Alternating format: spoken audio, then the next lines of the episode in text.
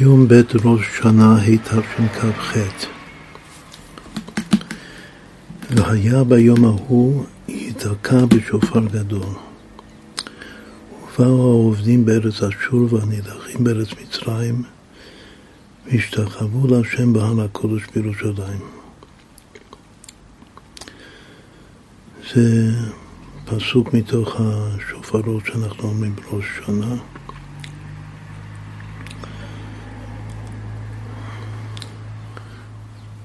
זה פסוק מספר ישעיהו, שזה נביאים. מתוך פסוקי הנביאים זה הפסוק השני, שהוא כנגד הבינה, כי מדובר בכוונות האריזה. הבינה שמתפשט עד הוד, שמבחינה מסוימת עיקר, עיקר כוונת השופר. אריזה אומר ששופר בכל מקום זה בינה, זה אימא. שופר זה לשון שפופרת, שזה בפרס יסוד אימא, אבל בכללות זה אימא. רק מה, כמו שהרבי מדייק כאן במאמר, יש שופר גדול ויש שופר סתם. בכתבי האריזה, מתוך הביטוי שופר גדול, אז הוא מדייק שאם יש שופר גדול, אז השופר שהוא לא גדול, שופר קטן, כך הוא כותב. כאן הביטוי זה שופר סתם לעומת שופר גדול.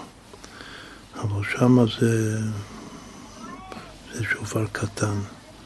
עכשיו, אם יש שופר קטן ושופר גדול, אז ייתכן שיש גם שופר בינוני ביניהם. תמיד צריך להיות ממוצע, מחבר, שהוא הבינוני. אז לפי זה שופר גדול הוא רומז לבחינת צדיק, ושופר קטן לבחינת רשע, שהוא בכוח להיות בעל תשובה, שזה עיקר התפקיד של השופר, לעורר אותנו מתשובה, לצאת מהרישות שלנו ולהגיע לצדקות אמיתית מכוח ההתעוררות של הקול שופר. ויש גם כן השופר הבינוני. עכשיו לגבי השופר גדול ושופר קטן, אז האריזו כותב בפירוש שאלו שתי בחינות של בינה. השופר קטן הוא תבונה, שזה הפרצוף הקטן. הוא הנמוך של, של הבינה הכללית. אבל השופר הגדול כאן בפסוק שלנו, והיה ביום ההוא ייתקע בשופר גדול, הוא אימא הילה, שאריזה כותב שאימא הילה נקראת בתורה בינה לעומת תבונה. עכשיו, אם אנחנו גם הוספנו כרגע שאם יש שופר גדול ושופר קטן, אז צריך להיות גם שופר בינוני. אז צריך לומר שבתבונה גופה יש שתי בחינות, וככה באמת כתוב בכתבי האריזה, שיש תבונה א', יש תבונה ב'. יש תבונה א' שהוא בעיקר חגת של הבינה הכללית, ויש תבונה ב' שהוא בכללות הנהי של הבינה הכללית, אבל האימא ההילאה, השופר הגדול, זה החב"ד, כלומר חב"ד דאימא. זה עצם המושכל, המוחין בעצם של אימא. עכשיו עוד אה, דרך, שזה הדרך העיקרית, איך להבחין בין השופר, מה שכאן במאמר כתוב שופר סתם, לעומת אה, שופר גדול. שופר גדול זה דווקא לעתיד לבוא, שהוא השופר של קיבוץ גלויות. כמו שיסביר לנו במאמר, זה יותר גדול אפילו מהשופר של מתן תורה. שאף על פי שנוחם ומתן תרא ואת ניצן, אבל השופר גדול והקיבוץ גלויות, שבאו העובדים בארץ אשור והנידחים בארץ מצרים, זה מדרגה עוד יותר גדולה מהשופר של של מתן תורה, כמו שכתוב בפרקי דרב אליעזר, שהשופר של מתן תורה זה הקרן השמאל של אלו של יצחק. ואילו השופר לעתיד לבוא, השופר הגדול כאן, הוא קרן ימין, שהימין יותר גדול מה, מהשמאל, וגם הימין הוא כולו חסד. השמאל יש בזה דין, שמתן תורה זה, זה דין, יש בזה שכר ועונש, אבל השופר הגדול זה הכל, הכל חסד, הקרן ימין של אלו של יצחק. אז נראה את זה בהמשך. בכל אופן, ההבדל העיקרי בין תבונה לבין אימא הילה, בינה, שעל תבונה כתוב חכם בבינה, זה הולך הייחוד ישראל סבו תבונה דווקא, אבל זה כתוב במתן תורה, בכל העם רואים את הקולות. כשרואים את הקולות, רואים את הנשמע. זו פעולת השופר של מתן תורה. לכן יש בחז"ל גם דעה שכשם שראו את הקולות ככה שמעו את הנראה. אבל זה לא כתוב בפירוש. מה שכתוב בפירוש בתורה זה רואים את הקולות, שזה רואים את הנשמע. שזה ייחוד ישראל, סבא ותבונה, אבל המדרגה יותר גדולה של שומעים את הנראה. לכן זה היה בהסתר במתן תורה. כלומר שבמתן תורה יש את הכל, גם את ההיעלם של השופר הגדול, אבל עוד לא בגלוי. בעיקר הגילוי של השופר הגדול הוא הבחינה של שומעים את הנראה, שזה הבן בחוכמה, לא חכם בבינה, אלא הבן בחוכמה. וזה עיקר הגילוי של אה, העתיד לבוא, של, של קיבוץ גלויות, של הוא והעובדים, שזה לשמוע את האור, לא רק לראות את הכל, מתן תורה ראו את הכל. אבל העתיד לבוא ישמעו, מה זה ישמעו? יקלטו יתפסו ויקלטו ויתעצמו, יתעצמו עם האור. שהאור של אבא הילה, של חוכמה הילה, יהיה עצמי בנשמות ישראל, וככה באמת הוא יסביר את זה יותר לעומק בהמשך המאמר. אז עד כאן אה, הקדמה אחת לגבי השופר הגדול, לעומת שופר סתם. עכשיו גם כן אה, חשוב לציין ששופר גדול אנחנו מזכירים כל פעם שלוש פעמים בתפילות שלנו. בברכת תקרא בשופר גדול לחירותנו. הפשט של הפסוק הזה זה עולה על קיבוץ גלויות, כמו שגם הברכה מסיימת, מקבץ נדחי עמו ישראל. אבל בכל אופן, בברכה יש מילה שהיא לא כתובה בפירוש בפסוק, שזה לחירותנו, שזה כמו זמן חירותנו של יציאת מצרים. אז צריך להיות חירותנו באמת לגמרי, שזה חירות גם ממלאך המוות, שזה רמז לתחיית המתים. בכל אופן, השופר הגדול פועל אצלנו חירות. כתוב שחירות הוא בגרמטיה חוכמה בינה דת, שזה בעצם הכוונה הכללית של כל השופרות בראש שנה, שבכללות גדול המלכויות זה, זה העלאת הנהי שלנו כבר לחגת, והזיכרונות החגת עולים לדעת, אבל עיקר העלייה, שזה לעצם החב"ד, שלנו כבר והתיקון שלהם זה בשופרות. אמרנו שבשופרות תקופה העיקר זה דווקא הבינה, בגלל ששופר סתם הוא בינה. רק שהשופר הגדול הוא במדרגה הכי גבוהה של הבינה, שזה בינה הילה, אימא הילה, שעליה כתוב הבן בחוכמה שמיוחדת עם אבא הילה, וכתוב בקברי אריזה שיש אפילו שורש יותר גבוה מאימא הילה יותר מאבא הילה.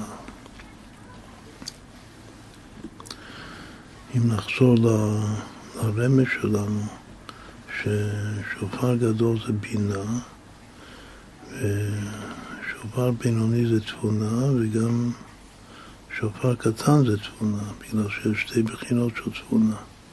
ולכן הארי זה לא מחלק, הוא רק אומר שיש שופר קטן בתבונה ושופר גדול בבינה. אז יש גם כן גמטריה יפה שמכבדת את הביטויים יחד. שווה עין ח' שזה שלוש פעמים הוויה במשולש. ג' פעמים הוויה זה השם של י"ב אותיות שייך לברכת כהנים. זה גם שייך בבחינה מסוימת לשופרות וזיכרונות, זה מלכויות וזיכרונות ושופרות של ראש שנה ע"ח. אז נמשיך כאן אה, לקרוא בפנים, ש... שהוא כותב, שמדייק אדמו"ר הזקן במאמר דיבור מהתחיל זה שבליכודי תורה, מה שכתוב בשופר גדול, מה עם מעלה לשופר גדול? מה העניין ומה המעלה של השופר הגדול לעומת שופר סתם. גם צריך להבין, כמו שמדייק בהמשך, אותו מאמר בליכודי תורה, מה שכתוב ייתקע, לא כתוב יתקע, ואת הפסוק הבא, שזה הפסוק השלישי של, ה, של הנביאים של, של השופרות, זה כתוב שם יתקע, כמו שיביא את זה תכף, שזה ועד נהיה אלוקים בשופר יתקע, והלך בסערות תימן. המשך בסיום הפסוק. שם כתוב יתקע, יודעים מי, אומרת, כתוב פירוש מי יתקע, שזה עד אלוקים, אבל כאן כתוב ייתקע, לשון נפער ולא כתוב מי התוקע. לא נאמר מי הוא התוקע, ואדמו"ר האמצעי מוסיף עוד דיוק בזה, שנאמר ייתקע, לשון ייתקע, שזה תו בקומץ. מורה שייתקע מעצמו. זה פונזיך עליין, שזה דבר שנעשה ממילא. אנחנו יודעים שבחסידות יש אה, עניין גדול מאוד של, אה, של ממילא, כמו אז נדברו יראי השם, ועוד הרבה פסוקים שכתוב לשון נפער ומפרשים את זה שהדבר נעשה בדרך ממילא, ואם זה נעשה בדרך ממילא, או שזה מורה על מה ש... אצל האדם זה מורה על מה שאנחנו קוראים מודעות טבעית, שזה תכלית התיקון של הדעת של האדם, שזה עיקר העניין של, של, של נשמות ישראל, קדושות, שיש לנו דעת. הרי בסדרה אחריהם שם הדעת, יש לנו דעת, אבל התכלית של הדעת שלנו זה להגיע למודעות טבעית. שהדברים ייעשו מעצמם זוקסיך, אסוקסיך, אסינקסיך, אסרציך, הכל בדרך ממילא.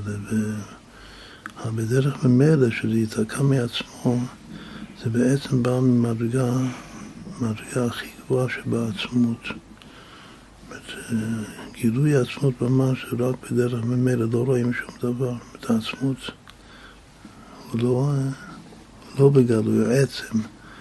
אז, אז פעולה שבאה מהעצמות ממש, זה, זה כאילו רק נעשה בדרך ממילא.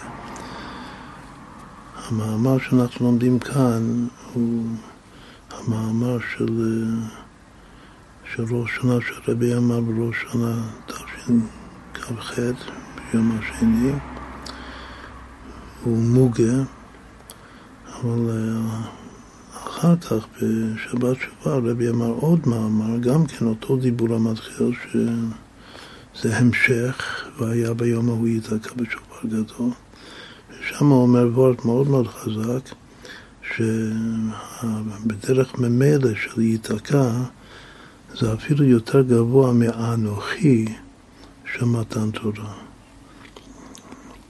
שתמיד אומרים שאנוכי של מתן תורה, זה, זה העצמות, אנוכי מי שאנוכי. זה לא איתר מישהו, זה לא נרמז בשום קוץ, בשום אות. אבל כותב הרבי שמה שבדרך ממילא שלא כתוב בכלל שום מילה ושום דבר בתורה, זה עוד יותר גבוה מזה. זה עוד יותר גבוה מאנוכי מישה אנוכי. שבכל אופן במילה אנוכי יש מילה אנוכי, שזה יותר מהוויה אלוקיך, אנוכי השם אלוקיך, אשר הוצאתיך וכו', בכל אופן זה אנוכי. וכאן זה בדרך ממילא, כלומר שזה עוד פחות איתרמיז, אפילו מאנוכי זה לא איתרמיז בשום אות, בשום, אה, בשום תג. אז ככה מוסיף האדמו"ר האמצעי. אנחנו יודעים שהאדמו"ר האמצעי הוא בחינת עין, עין האמיתי. אז גם הדבר הזה שבדרך ממילא, שזה כזאת מדרגה של עצמות, שזה יותר גבוה מאנוכי, זה עין האמיתי. האנוכי זה יש האמיתי. אנוכי מי שאנוכי. אז לכן זה מתאים לאדמו"ר האמצעי הוורט הזה. שהייתקע הוא מעצמו. כלומר, לא רק שלא כתוב מי התוקע, שהייתי יכול להבין מזה שיש תוקע, רק שלא כתוב מי הוא, אבל כאן שזה מעצמו, הכוונה שאין תוקע. אבל מה הסברנו עכשיו? ש, ש, שאין תוקע, לא שאין כלום, רק שזה באמת, זה באמת אין, זה עין, זה עין אמיתי של ה... של העצמות. אז הוא, איך שהוא בא, איך שהוא מתגלה במציאות, לגמרי מעצמו. בדרך של להצביע על שום מקור כלל. עכשיו, ונקודת הביאור בדרושים היא את ההתעוררות שעל ידי שופר סתם, שוב כאן הוא קורא לזה שופר סתם, המילה סתם הוא כבר השתמש, הוא אמר ייתקע סתם. אז הסתם של הייתקע זה הולך על השופר שהוא לא סתם. זאת אומרת, השופר הוא גדול, בגלל שהשופר הוא גדול, שזה ההפך מסתם, התקיעה היא סתם. אבל השופר שהוא סתם, התקיעה זה לא סתם. התקיעה ידוע מי התוקע. אז הסתם ודווקא, אנחנו תמיד מדברים על הזוג מושגים של סתם ודווקא, שזה הולך ביחד. סתם זה 500, דווקא זה 111, ביחד זה תורה. את כל דבר תורה הוא כולל בעצמו סתם ודווקא. זו שאלה מה הסתם ומה הדווקא. בשופר גדול, השופר גדול זה הדווקא, והתוקע זה, זה ייתקע סתם. אבל בשופר סתם, השופר הוא הסתם, והתוקע הוא הדווקא. אז שוב, אז מה הוא כותב? נקודת הביאור בדרושים היא את ההתעוררות שעל ידי שופר סתם כל שופר אחר, חוץ מהשופר הגדול של העתיד לבוא, שיש בזה הרבה מדרגות כמו שנראה, אבל הכל זה שופר סתם. עכשיו, שופר באריזה זה שופר קטן, אבל אנחנו אמרנו ששופר, יש גם שופר בינוני, בין הגדול לבין הקטן, ובעצם בבינוני גוף יש כמה וכמה מדרגות, כמו שגם כתוב בתניא, שבינוני זה לא רק מדרגה אחת, יש כמה מדרגות של בינוני. אז לכן בשופר סתם יש הרבה מדרגות שנפרט אותן בהמשך בעזרת השם. אבל כל המדרגות של שופר סתם זה שייך רק, הוא רק לאלה שהם בקירוב קצת. אומרת, יש יהודי שבנשמה שלו יש לו קצת קרבה לאלוקות. קצת הרגשת שייכות ל, ליהדות שלו. ובכדי לעורר את העובדים, אבל יש כאלה ש, שהם רחוקים לגמרי, אין להם שום קירוב. צריך לקרב אותם, אבל הם מצד עצמם רחוקים באמת. ויש בזה גוף השני סוגים, יש את העובדים בארץ אשור והנדחים בארץ מצרים. הפשטנים מסבירים ש... שעובדים זה יותר חמור מנידחים. מישהו נידח, הוא נידח, יכול להיות שהוא עדיין מרגיש את עצמו נידח. כתוב לא יידח ממנו נידח. כמה שהוא נידח, אז השם חושב מחשבות. לבלתי יידח ממנו נידח, אז הוא יחזור.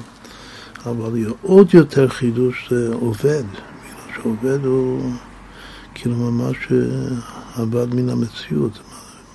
זה שכתוב בתנ"ך הצדיק עבד. או עבד חסיד מן הארץ, אז שם הכוונה עבד שהוא באמת הלך, שהוא מת, שהוא לא קיים במציאות יותר.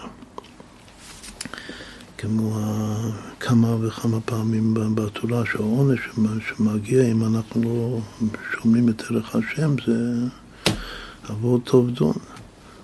זה, זה כאילו נגמר הסיפור, הרבה יותר גרוע מנידח. בכל אופן, כאן הכוונה עובדים שהם עדיין חיים, אבל הם עובדים, זה יותר, שוב, זה יותר גרוע מנידחים. עכשיו, העובדים הם בארץ אשור, והנידחים הם בארץ מצרים.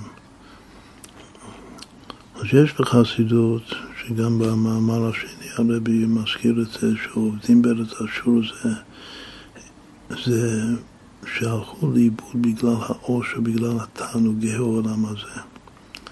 בכלל הרבי היה, היה מבחין בין אשור לבין מצרים, שהאשור היום זה כמו אמריקה, ומצרים זה כמו רוסיה.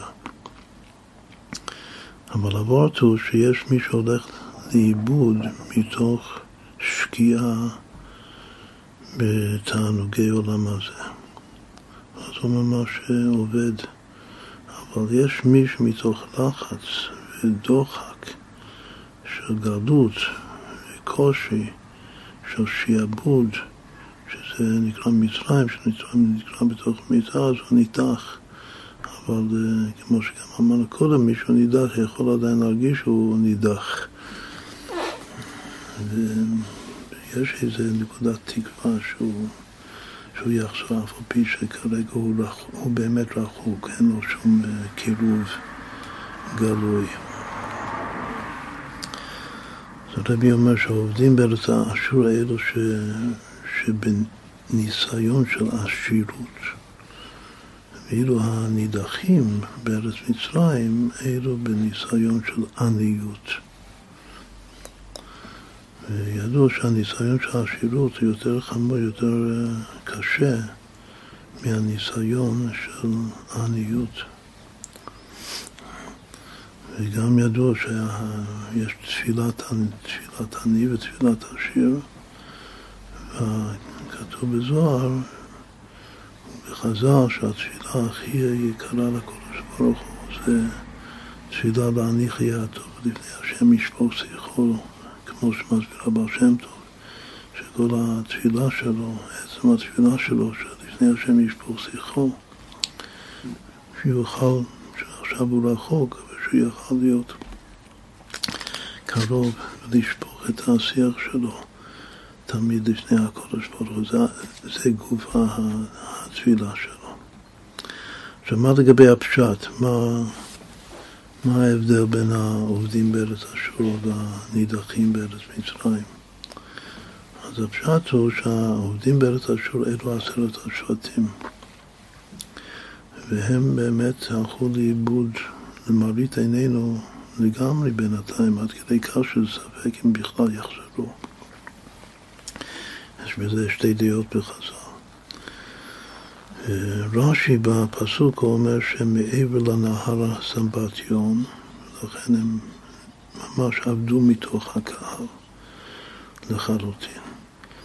אבל הנידחים בארץ מצרים זה, זה, זה כל שאר הגלויות של יהודה ובנימין שבעצם גלו לבבל בפועל.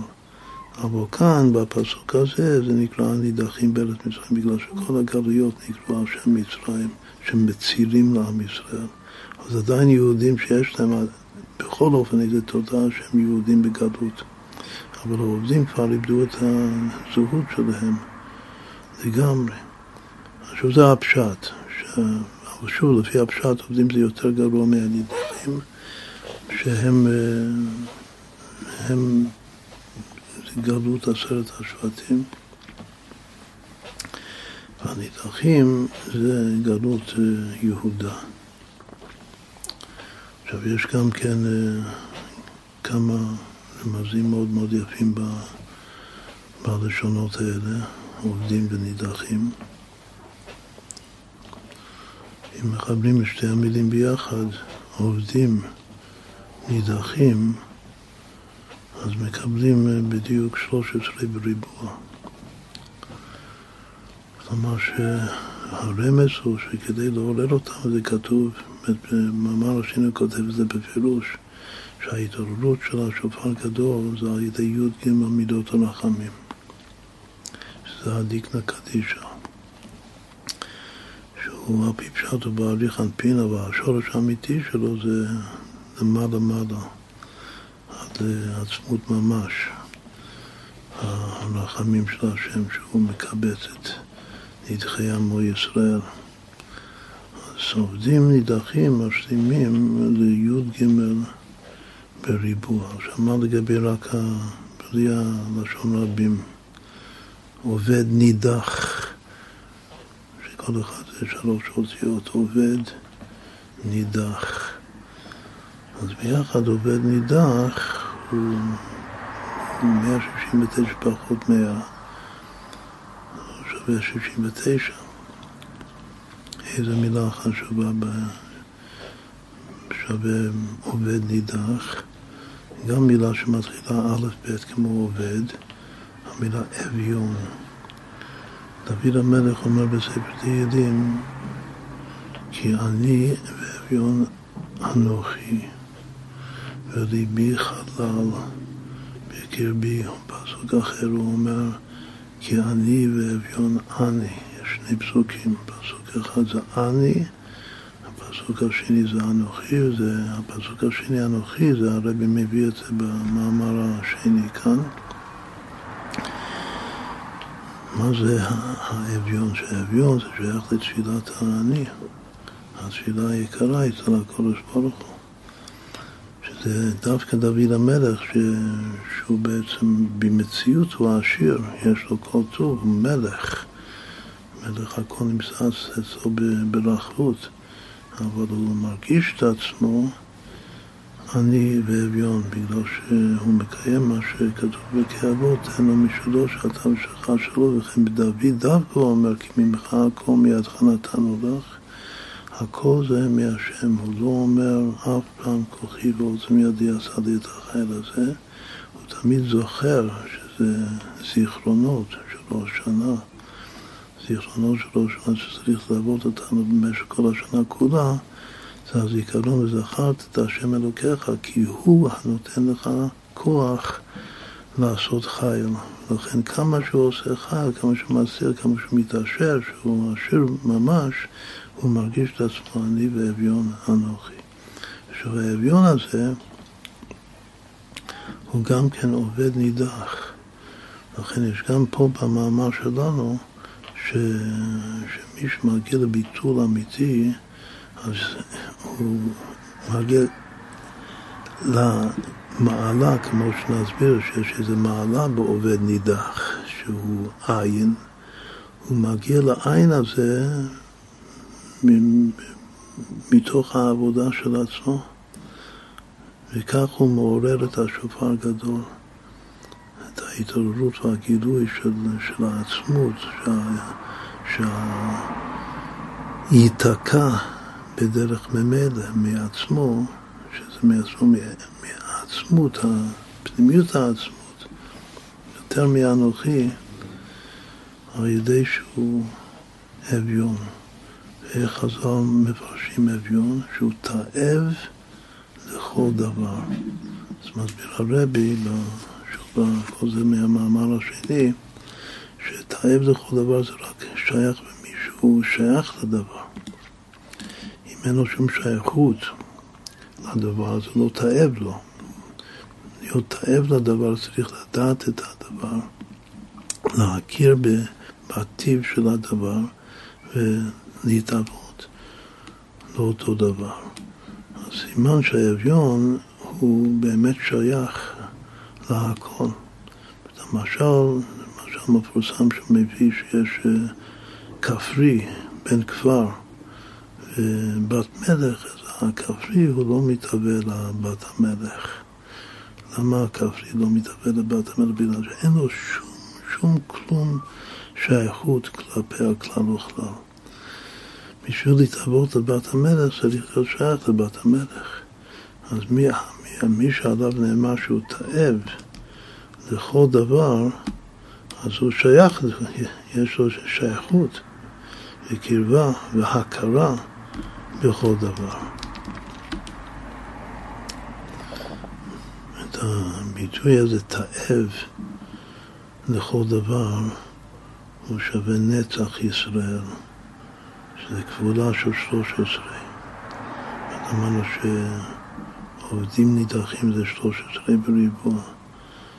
ועיקר העבור של הרבי, שהוא תאב לכל דבר, זה 13 כפול 53, כלומר שזה תוספת של 13 כפול 40, אבל הביטוי 689 זה נצח ישראל לא ישקר ולא ינחם, כאילו אדם הוא להנחם.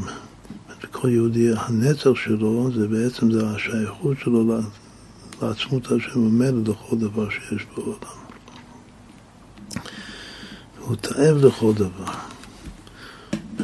כל דבר זה, זה הקודש ברוך הוא בכבודו ובעצמו. הוא תאב אליו יתברך באמת. ולכן בסוף הוא יזכה, בגלל שאין לך דבר שעומד בפני הרצון, בפני התאווה, גם עם ב' וגם עם ו'. עכשיו מה כתוב כאן? ובכדי לעורר את העובדים בארץ אשור והנידחים בארץ מצרים, שגם הם יתעוררו, שהם אין להם שום קירוב קצת, קצת לאלוקות, אבל גם הם צריכים להתעורר, להתעורר למעלה, לבוא להגיע לירושלים, ירושלים זה שלמות העירה, ולהשתחוות להשם, מה זה להשתחוות? זה תכלית הביטול. בפישוט ידיים ורגליים. אז uh, צריך להגיע לירושלים ושם להשתחוות להשם יתברך. Uh, כתוב, איפה בירושלים כתוב? בהר הקודש בירושלים. יש גם uh, רמש הר הקודש, זה, הרי קודש זה מילה בגרמי. דבר לעצמו, שהוא נבדל בעצם מהכל. על הקודש ברוך כתוב שלית מחשבה תפיסה בכלל, אפילו מחשבה קדומה דק. אבל הר הקודש זה כן מה שיהודי הוא, יש לו הר הקודש, הר זה לשון הרהור. שיש לו בהרהור את הקודש, המילה הקודש מילה בגרמי. ומתוך זה הוא משתחווה לה שהוא מתפטר בביטול מוחלט לקודש ברוך הוא. ועוד כדי לרצות להגיע לזה, להגיע והשתחוו להשם בהר הקודש בירושלים, אז צריך התעוררות, וההתעוררות זה בא לו מהשופר הגדול. אז הוא על ידי שופר גדול. ובכדי לברר העילוי לשופר גדול שיהיה לעתיד לבוא, מקדים במאמר ביור עניין שופר דראש שנה של עכשיו, שזה קודם הוא קרא לזה שופר סתם. ועל ידי שישראל תוקעים בשופר, שהיא הצעקה לפנימיות הלב, כתוב שעיקר הפשט של השופר. במיוחד התקיעה, זה צעקה פשוטה שהלב צועק, צעק ליבם אל השמש, פסוק באיכה. אנחנו צועקים בצעקה פשוטה לקודש ברוך הוא, שהצעקה הזאת זה, זה למעלה מהשכל. על ידי זה נמשך פנימיות הלב ללמעלה כביכול. הרי בהתעלות הדלתת להתעלות הדלתה, אז יש פה עבודה מצד האדם. הוא איכשהו למטה, אז ככה הוא מעורר למעלה. ואם למטה הוא, הוא מביא לידי ביטוי נקודת פנימיות הלב שלו בצעקה הפשוטה של השופר, אז כך הוא גם מעורר למעלה את פנימיות הלב שהוא למעלה מה, מהשכל. עכשיו זה שייך כמובן לעבור את המפורסם שאף על פי שבכללות כתוב שמוח שליט הלב, אבל זה דווקא חיצוניות המוח, חיצוניות הלב. אבל פנימיות הלב הוא למעלה מהשכל, למעלה מההשגה, ולכן הוא שליט על השכל. אז ככה זה גם אצל הבן אדם. שפנימיות הלב שלו למעלה מהשכל שלו, וגם מה שמעורר למעלה זה גם אותו הדבר שיש לקודש ברוך כביכול, פנימיות הלב שלו, ש, שזה הרצון, הרעותא דליבה, דיקות שבריחו כביכול, שהוא למעלה מהמוחין, מהחב"ד שלו, למעלה מהחוכמה שלו. וזה מתעורר היום, זה לא שייך עדיין לשופר הגדול, זה שייך לשופר סתם, שמגיעים על ידי הצעקה לפנימיות הלב שלנו, להמשכה של הפנימיות הלב של הקודש ברוך הוא. זה, על זה כתוב הפסוק הבא בשופרות, אחרי הפסוק שהיה ביום ההוא ייתקע בשופר גדול, אז כתוב עוד פסוק מהנביא, שזה הפסוק האחרון מהנביא, ועד נהיה אלוקים בשופר יתקע. כאן זה יתקע, לא ייתקע. זה כמו שקטיעת שופר לאדם הוא הצעקה לפנימיות הלב, הדרך זה הוא למעלה, לעניין תקיעת שופר הוא המשכת וגילוי הפנימיות, הפנימיות האמיתית של הקודש ברוך הוא. סתם שאומרים את המילה פנימיות זה דווקא הולך על חב"ד, לעומת המידות. השכל הוא פנימיות לגבי המידות. אבל כאן שהוא אומר פנימיות, הוא מתכוון לפנימיות כזאת שהוא למעלה מהשכל, גם למעלה מהחב"ד דלעילה.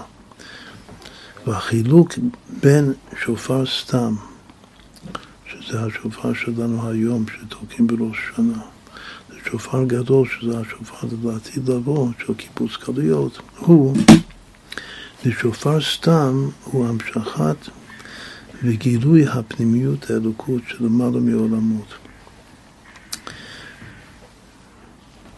אז גם בזה ש...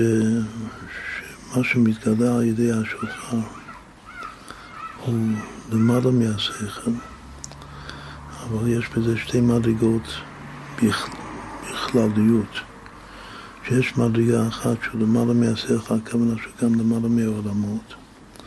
שלמעלה מעולמות אבל עדיין שייך לעולמות, שזה נקרא סובב כל המין, שזה שהוא סובב הוא למעלה מהעולמות, מה שמסובב בתוכו.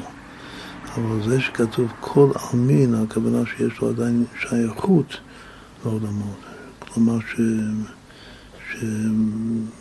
שבכללות הוא בחינת מקיף קרוב. מקיף, אמנם הוא מקיף, סובב, אבל הוא שייך. מקיף אה, קרוב זה נקרא מתי ולא מתי, שהוא כאילו הוא מתגלה, אבל הוא מסתתר. אבל בפסוק השני של הדני אלוקים שכבר יתקע, כתוב יצא כברק קיצור, זה בדיוק הוורד של מקיף, מקיף קרוב, שזה ברק, שהוא מתגלה ומיד מת, מתעלם לתוך הכתר. אבל השופר הגדול הוא מקיף רחוק, הוא סוד יחידה. עכשיו, גם בזה גופה יש, יש לפי ערכים, שביחס לשופר סתם, אז הוא מקיף רחוק, השופר סתם מקיף קרוב. אבל ביחס עוד מדרגה, אולי כבר נזכיר את זה ונסביר את זה יותר בהמשך, הוא עדיין בחינת חיה. נחזור לפסוק המקורי שלנו, שזה היה ביום ההוא ייתקע בשופר גדול. ובאו העובדים בארץ אשור והנידחים בארץ מצרים והשתחוו להשם בעל הקודש בירושלים. אז זה הפסוק בה"א הידיעה של קיבוץ גלויות. אבל קיבוץ גלויות זה עדיין הפעולה הרביעית של מלך המשיח. הרי כמו שהר"ם כותב בסוף הלכות אה, מלכים ומשיח, יש שלוש פעולות עד, ש... עד שנקבעה המציאות של משיח ודאי, שזה יאכוף את כל ישראל ללכת בדרך התורה והמצוות, ואחר כך יילחם מלחמות השם ינצח, בסוף יבנה בית המקדש במקומו. ובעצם עד כאן המשיח משלים, מחזיר את ההתחלה ליושנה, שזה התורה והמצוות, שזה יחסית זה הנירן. בשלוש הפעולות האלה הראשונות זה כנגד הנירן של המשיח. שזה הפנימיות וזה התורה. זה, כאילו זה כולל השכל. עיקר תכלית שלמות השכל זה בעניין בית המקדש במקומו.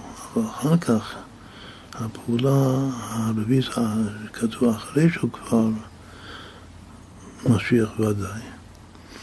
אז זה יקבץ את נדחי ישראל. ואז יזדקה השופר הגדול.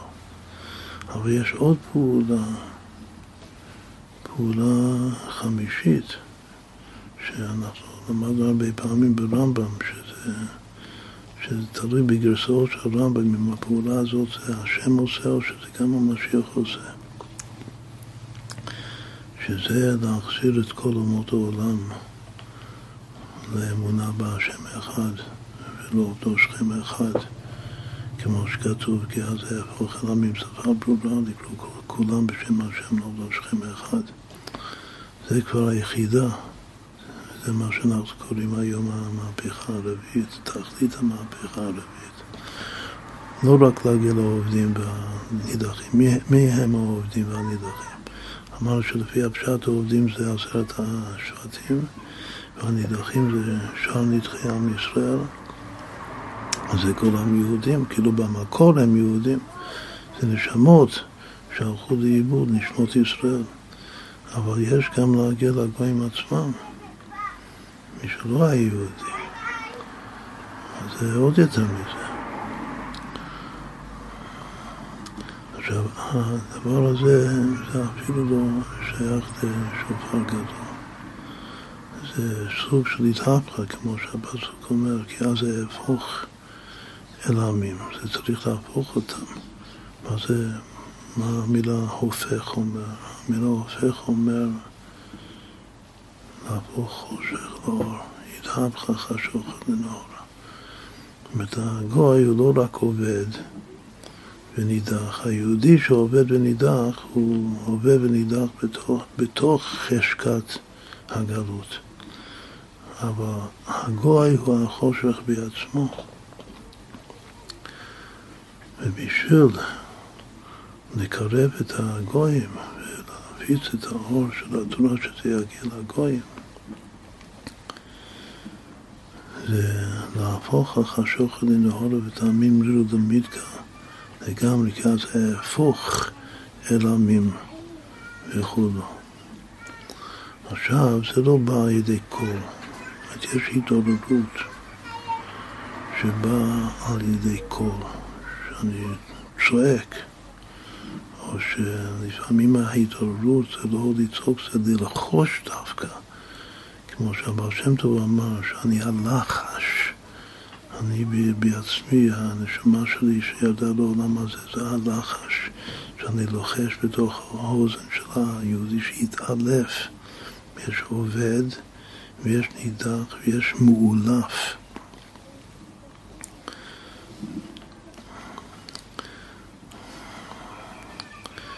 המאולף כתוב בעל יתבטלת בתחילת ספרת הצניעותה. זה שוק של התבטלות לגמרי. ובשביל לעורר את המאולף הזה צריך ללחוש לו באוזן את השם האמיתי, השם העצמי שלו. השם העצמי שלנו זה ישראל, לכן כזה, אבל שם קוראים ישראל, שהוא הלחש הזה. אז אם כן, הלחש הזה זה, זה, זה גם סוג של קול. יש שופר גדול שזה קול גדול ולא יסף. הרבי יסביר שהשופר גדול זה לא, זה לא רק קול גדול, בגלל שקול גדול כן היה במתן תורה. הקול היה גדול ולא יסף. אבל הקול זה גילוי. והשופר זה עצם, והשופר היה שופר סתם עדיין, זה לא היה שופר גדול, אבל בעתיד לבוא יהיה שופר גדול, ועדיין מה שיוצא מהשופר זה קול. זה הגילוי של השופר. הברכה שאנחנו אומרים על השופר זה לשמוע קול שופר. עיקר המצווה זה לקבל את הגילוי, לשמוע את הקול של השופר.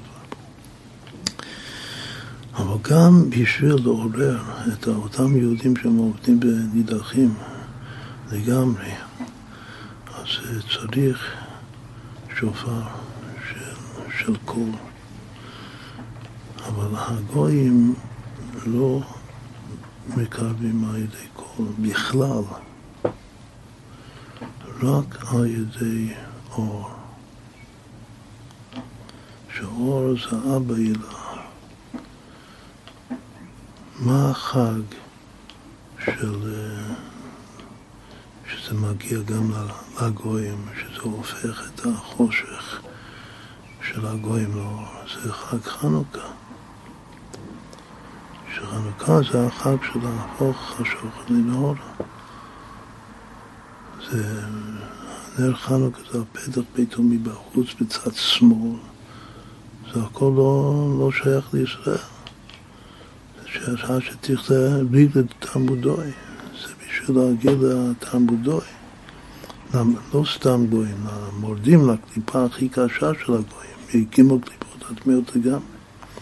ושמה לא, לא, לא לעורר אותם ולא לקרב אותם, זה לא נקרא כאילו, זה נקרא להפוך אותם.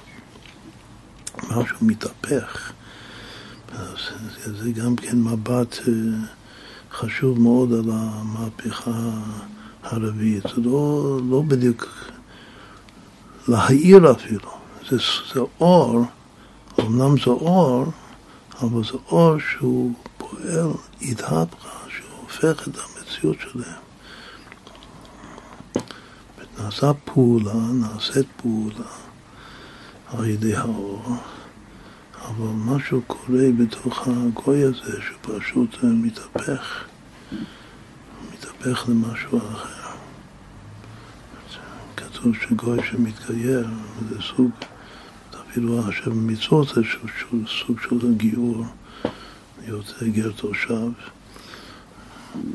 וכל שכן גוי שמתקהל לגמרי, אז הוא כתינוק שנולד דמי, הוא מציאות אחרת לחלוטין. אז אם כן, התכלית של ראש שנה זה, זה הראש שנה שהוא רומז לעתיד לבוא, וזה פסוק שאנחנו אומרים בראש שנה, בשופרו של ראש שנה זה ביום הבא, היה ביום ההוא ייתקע בשופר גדול. ובתפילות אנחנו אומרים, תקע בשופר גדול לחילותנו. שוב, זה, ומה הסיום של הברכה? מקבץ נדחי עמו ישראל, והכל קיבוץ עם ישראל. והוא מבין הברכות האמצעיות של שמונה עשרה הברכה השביעית, כל השביעין חביבין. יש י"ג ברכות אמצעיות, השביעי הוא חביב בגלל שהוא האמצע בדיוק האמצע של הי"ג, כמו שכתוב בכתבי האריזה. אז זה המעלה המיוחדת שעוסקה בשופר גדול לחילותנו. אבל זה עדיין הפנימיות של נשמות עם ישראל שיותר גבוה מהמוחין, מהנירן. אז יחסית למה שאמרנו שהכל זה לפי הערכים ויחסית יחסית לשלב החמישי של מלך המשיח, של חנוכה, של מדרבנן, לא, לא מדאורייתא. אז הדבר הזה הוא חיה עדיין, גם השופר הגדול. והיחידה זה כי אז זה אל עמים. שפה ברורה לקרוא כולם בשם השם לעובדו שכם אחד והיה ביום ההוא. אז והיה השם למלך כל הארץ, ביום ההוא יהיה השם אחד ושמו אחד לכולם. אז אם השופר הגדול הוא אימא הילאה,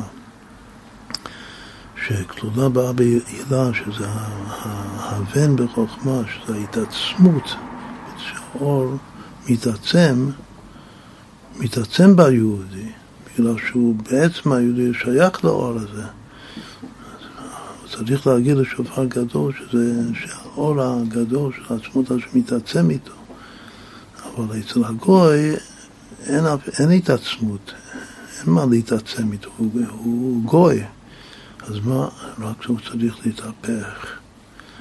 וזה הידי, זה לא על ידי הבן, זה לא הבן בחוכמה, זה לא התקללות עם העילה באה בעילה.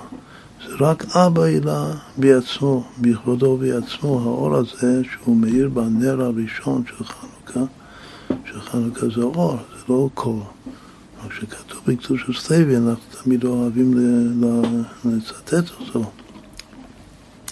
שמהקול השופר בראש שנה, אז הקול הזה מתגלה כאור בנר הראשון של חנוכה. כמה זה, ככה זה ממשיך שמונה ימים, שזה יותר, אחד יותר מהשבע, שזה מעל הטבע לגמרי. אז אם כן, יש לנו כאן אה, דרוש שלם וחשוב מאוד לגבי, אה, לגבי השופר הגדול לעתיד לבוא, ואפילו עוד יותר מהשופר הגדול זה ההתהפכה של אה, כי אז זה יהפוך אל עמים.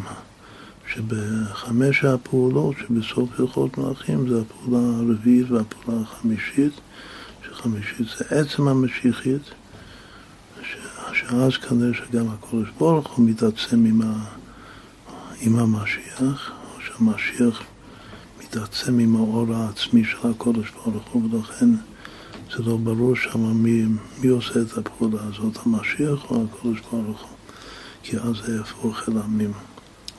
היה השם למלך על כל הארץ. ידוע שבסוף המשיח הוא כאילו מוסר את המלכות שלו לקודש ברוך שהוא המלך העשירי, המשיח הוא רק המלך התשיעי. אז בתור המלך התשיעי שמולך על כל העולם, הוא מקבץ את כל הנדחי המשרות בכל אתר ואתר, בגלל שהוא מולך על כל העולם. אבל המלך העשירי זה, זה חוזר לקודש ברוך שהוא אני ראשון, הוא המלך הראשון, והוא גם המלך העשירי. ומשם נמשך המדרגה של כי אז יהפוך אל עמים וכו'. אז אם כן, עניין תקיעת שופר היא המשכת וגילוי הפנימיות והחילוק בין שופר סתם לשופר גדול ושופר סתם הוא המשכת וגילוי הפנימיות האלוקות של למעלה מעולמות השייך לעולמות. זה סובב כל העמים, שופר גדול הוא המשכת וגילוי הפנימיות האלוקות של למעלה משייכות לעולמות. למעלה גם מסובב, שזה שופר גדול. וזהו זה בשופר סתם כתיב, ועדני אלוקים בשופר יתקע, דעדני זה הוויה בניקוד האלוקים, שזה מדרגה גבוהה מאוד, שזה גם אימא בקבלה. אימא זה שופר, אז השמות האלה, עדני והוויה בניקוד האלוקים, זה מאוד שייך לשופר. אבל בכל אופן הם שמות, שמות של השם. אלא ששמות אלה, עדני והוויה בניקוד האלוקים, הם נעלים ביותר. ובשופר גדול כתוב, כתיב, ייתקע סתם ולא נאמר מיהו התוקע. כי תקיעה זו היא המשכה וגילוי מבחינת סתימה לכל סתימין שלמעלה משמות. כמו שאמרנו הרגע, לא רק שזה למעלה משמות, זה אפילו למעלה מאנוכי, מאנוכי השם אלוקיך. הסתימה לכל סתימין, לכן זה נעשה מעצמו לגמרי.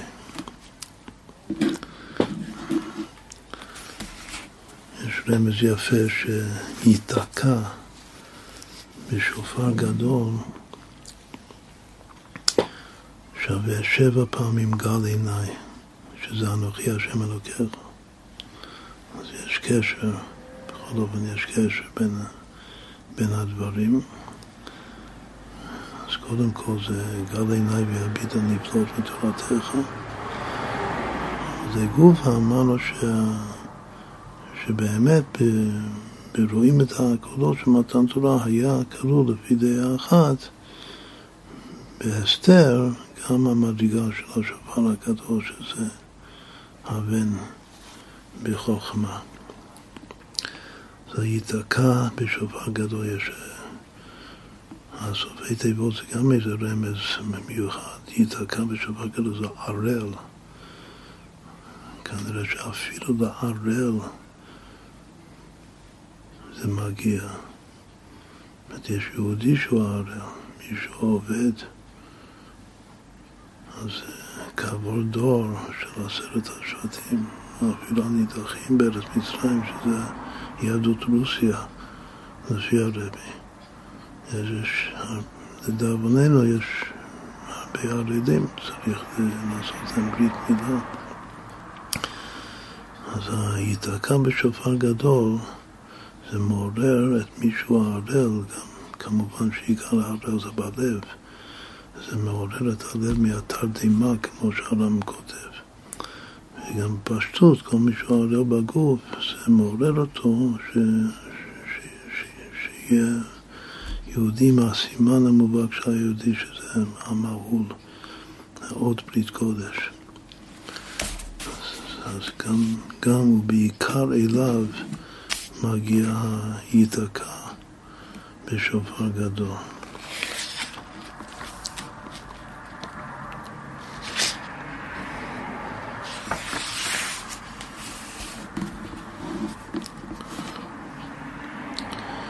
ובכדי לבאר ההידוי, זה שופר גדול עוד יותר, מביא הצמח צדק בביאור שלו. והמאמר דיבור המתחיל היה ביום ההוא ייתקע בשופר גדול שבליקודי תורה, מה שכתוב בליקודי תורה בדיבור המתחיל להבין המשנה, יום טוב של ראש שנה שצריכה להיות בשבת, במקדש היו תוקים אבל לא במדינה. זה שבראש שנה צריך לתקוע בשופר ובכדי לעורר על ידי זה למעלה התענוג בבריאת העולמות.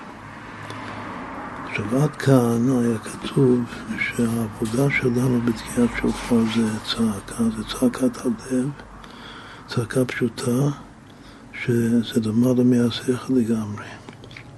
וזה מעורר את השם צילך על יד ימינך, הצליל שלנו מעורר את הצליל של השם, שזה כביכול הרעות הדליבה של השם, שזה הרצון של השם. מחדש בבריאת העולם. זה מתעורר וזה זה עדיין בחינה של סובב כל המין, זה למעלה מעולם, אבל זה שייך לעולם. שמה שמתעורר בראש שנה, הרצון שלמעלה מהשכל, זה הרצון לבריאת העולם. שזה היום תחילת מעשיך, זיכרון, יום ראשון, בפשט. אבל עכשיו הוא מכניס עוד משהו, ש... שהשופר זה לא רק רצון, רצון בכללות, גם שבתוך רצון יש פנימיות וחיצוניות, שנזכיר אותן, אבל בכללות רצון זה חיצוניות הכתר, זה אריך. אבל פנימיות הכתר זה עתיק, עתיק זה תענוג. אז עיקר החידוש הוא שבתקיעת השופר אז מה שמתעורר למעלה זה התענוג של השם בבריאת העולמות. אז יש הרצון, יש התענוג, ובעצם התענוג זה כוח המניע, בגלל שיש תענוג, יש רצון. זה הכלל. יש רק לפעמים שמוסבר בחסידות שיש רצון עצמי ממש שהוא גובר על התענוג. שמתוך זה היהודי מוסר את נפשו על קידוש השם בפועל ממש. אז זה הרצון שהוא יוצא מ... מרדלה בעצם, שהוא עוד יותר גבוה מהתענוג הגלוי, התענוג המורכב. אבל סתם התענוג הכללי, המורכב, הוא הכוח המניע של הרצון, ומה שמתעורר בראש שנה, שזה בריאת העולם, זה, זה היום תחילת מעשיך, זה התענוג של השם בבריאת העולמות. כמובן שהתענוג של השם זה שיהיו נשמות ישראל כאן למטה בגופים ויעבדו את השם. ואז ינח את רוח לפניי שאמרתי ונעשה רצוני. אבל שצריך לתקוע בשופר הוא בכדי לעורר על ידי זה למד את התענוג בבריאת העולמות, וכיוון שבשבת, שמצד עצמו יש התענוג, יום שבת קודש הוא יום של תענוג, של עונג שבת.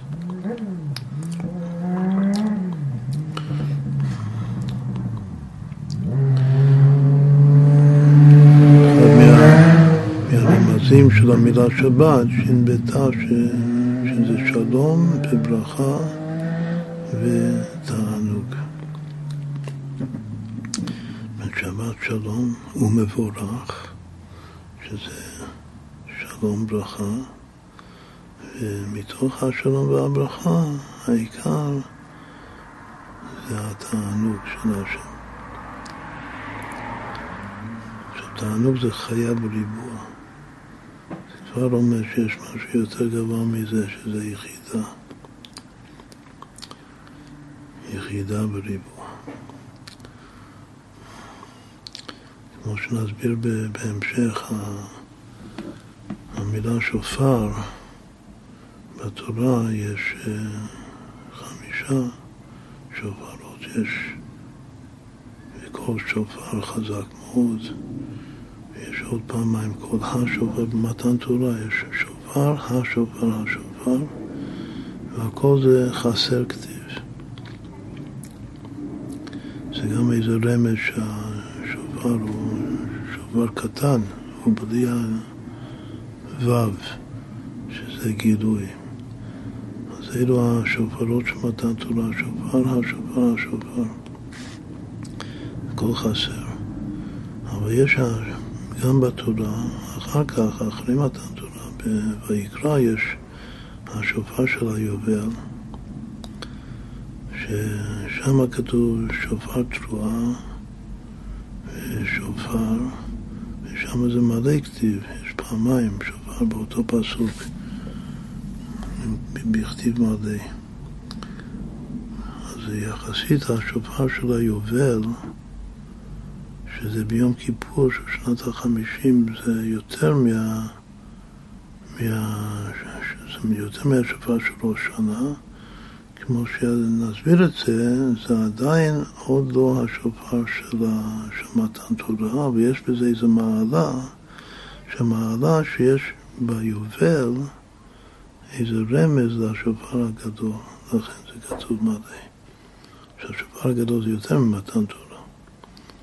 היובל עדיין במציאות, מה שהיה יובל בבית ראשון זה פחות ממתן תורה. אבל היובל הגדול זה, זה שייך לשופר גדול שזה יותר ממתן תורה. וזה המלא האמיתי של השופר. אחר כך השופר ש, שבא אחרי התורה, מלא אחרת היינו רואים רק לחמישה חומשי תורה ו... בספר יהושע זה ידעי, ובספר יהושע יש שופרות של, של יריחו, שהקיפו את יריחו שבע פעמים, תקעו שופרות שנפלו החומות. ושם יש ביטוי שבעה שופרות, שהמילה שופרות זה מלא. ואותו ביטוי, שבעה שופרות, הוא יחידה בריבוע, שווה. השופר של היום הוא ממשיך תענוג שזה חיה בריבוע. ושם יש שבעה שופרות שתקעו להפיל את חומות יריחו, וזה כבר יחידה בריבוע. עכשיו זה מעניין ש... ש... ששופר גדול יש פעם אחת בתנ"ך, בפסוק שלנו. והיה ביום ההוא ידקה בשופר גדול. אבל יש חמש פעמים בתנ"ך הביטוי תרועה גדולה. פעמיים באותו סיפור של, של יריחו, ועוד שלוש פעמים בתנ"ך. אז יש תרועה גדולה. אשרי העם יודעי תרועה, השם בור פניך יעדיכון. ותשואה גדולה זה גם כן מספר מאוד חשוב, זה 729 זה 200, בדיוק 200 יותר מתענוג, 200, תענוג זה 23 בריבוע, אבל 729 זה כבר 27 בריבוע, קרא שטן. זה באמת שהפיל את החומות ביריחו. תשואה גדולה. יש לנו שופר גדול, יש תשואה גדולה, ויש שבעה שופרות, ויש תענוג. שכל הביטויים האלה זה עם מספרים מאוד מאוד שלמים. אז, אז נחזור למה שכותב כאן. שבשבת הוא בלאו הכי יום של תענוג, ולכן בראש השנה שלך להיות בשבת אין צריך כל כך, זה לשון הצמח צדק. בארצלבי כתוב רק אין צריך, הצמח צדק בביור הוא מוסיף גם כל כך, שלא צריכים כל כך לתקיעת שופר. אם יש בית דין מובהק, אז גם היום אה, תוקעים בשופר בשבת, סימן שיש איזה מעלה בשופר בשבת. שלא של שבת לגמרי מוציא מידי הצורך של השופר. אין צריך כל כך, ולכן, בגלל שאין צריך כל כך, לכן יכול לבוא התקנה של רבו, הגזירה דרבו, שמי יעבירנו דל דמות ברשות הרבים, שיבטל את ה... יבטל את השופר. אם היה צריך אותו באמת, אז הגזירה הזאת של רבא לא היה מוותר. אבל היות שלא צריך את זה כל כך, בגלל שבלאו הכי יש תענוג בשבת, לכן יכול לבוא הגזירה דרבא ולבטל את, ה, את המצווה דאורייתא של תקיעת שופר שחל להיות בשבת. כאשר ראש שנה חל להיות בשבת.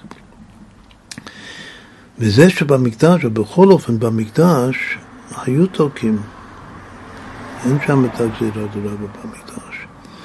אז סימן ששם באמת המדרגה, התקיעה זה, זה בדרגה יותר גבוהה מבמדינה. וזה שבמקדש היו תוקים גם בראש השנה שחל בשבת הוא כי בתענוג יש כמה מדרגות. שבשופר זה עניין המשכת תענוג. ובתענוג יש כמה מדרגות, כמו שאמרנו קודם שבבינוני יש כמה מדרגות. אז הבינוני זה תענוג, כמו שמסביר בתניא, שיש תענוג מיוחד שהקודש הוא מקבל מדברים חריפים שממתיקים אותם, שזה עבודת הבינוני יותר מדברים מתוקים לכתחילה, שזה עבודת הצדיק. אז ככה בקבלת תענוג, בהמשכת תענוג, יש כמה מדרגות. בדרגת התענוג שממשיכים על ידי תקיעת שופר, היא נעלית יותר מדרגת התענוג לשבת. שהתענוג לשבת הוא מבחינת חיצוניות הכתר. עכשיו, חיצוניות הכתר זה אריך, אבל בדרך כלל אריך זה רצון, זה לא תענוג בכלל. אז מה זה שאומר שתענוג לשבת הוא בחינת חיצוניות הכתר? אז או שנאמר, כאילו, בפשטות, שזה, שוב, זה... זה דוגמה של, של יחס, מה שנקרא לפי ערכים, אבל בכל אופן יש פה דיוק, ש, שזה, שהוא כותב אפילו של חיצוניות הכתר, וחיצוניות הכתר זה אריך, שזה רצון אלא מה, צריך לומר שהוא, שכאן הוא רומז לסוד זין תיקוני גולגלתא. ובפרט התיקון השני, שנקרא טלה דיבדוחה, שזה מה שגבולה דעתיק מתלבש במוח הסתימה של אריך, שזה כוח בנפש, זה כוח המזכיר. ועיקר העונג שבת הוא העונג של מוחין דאבא.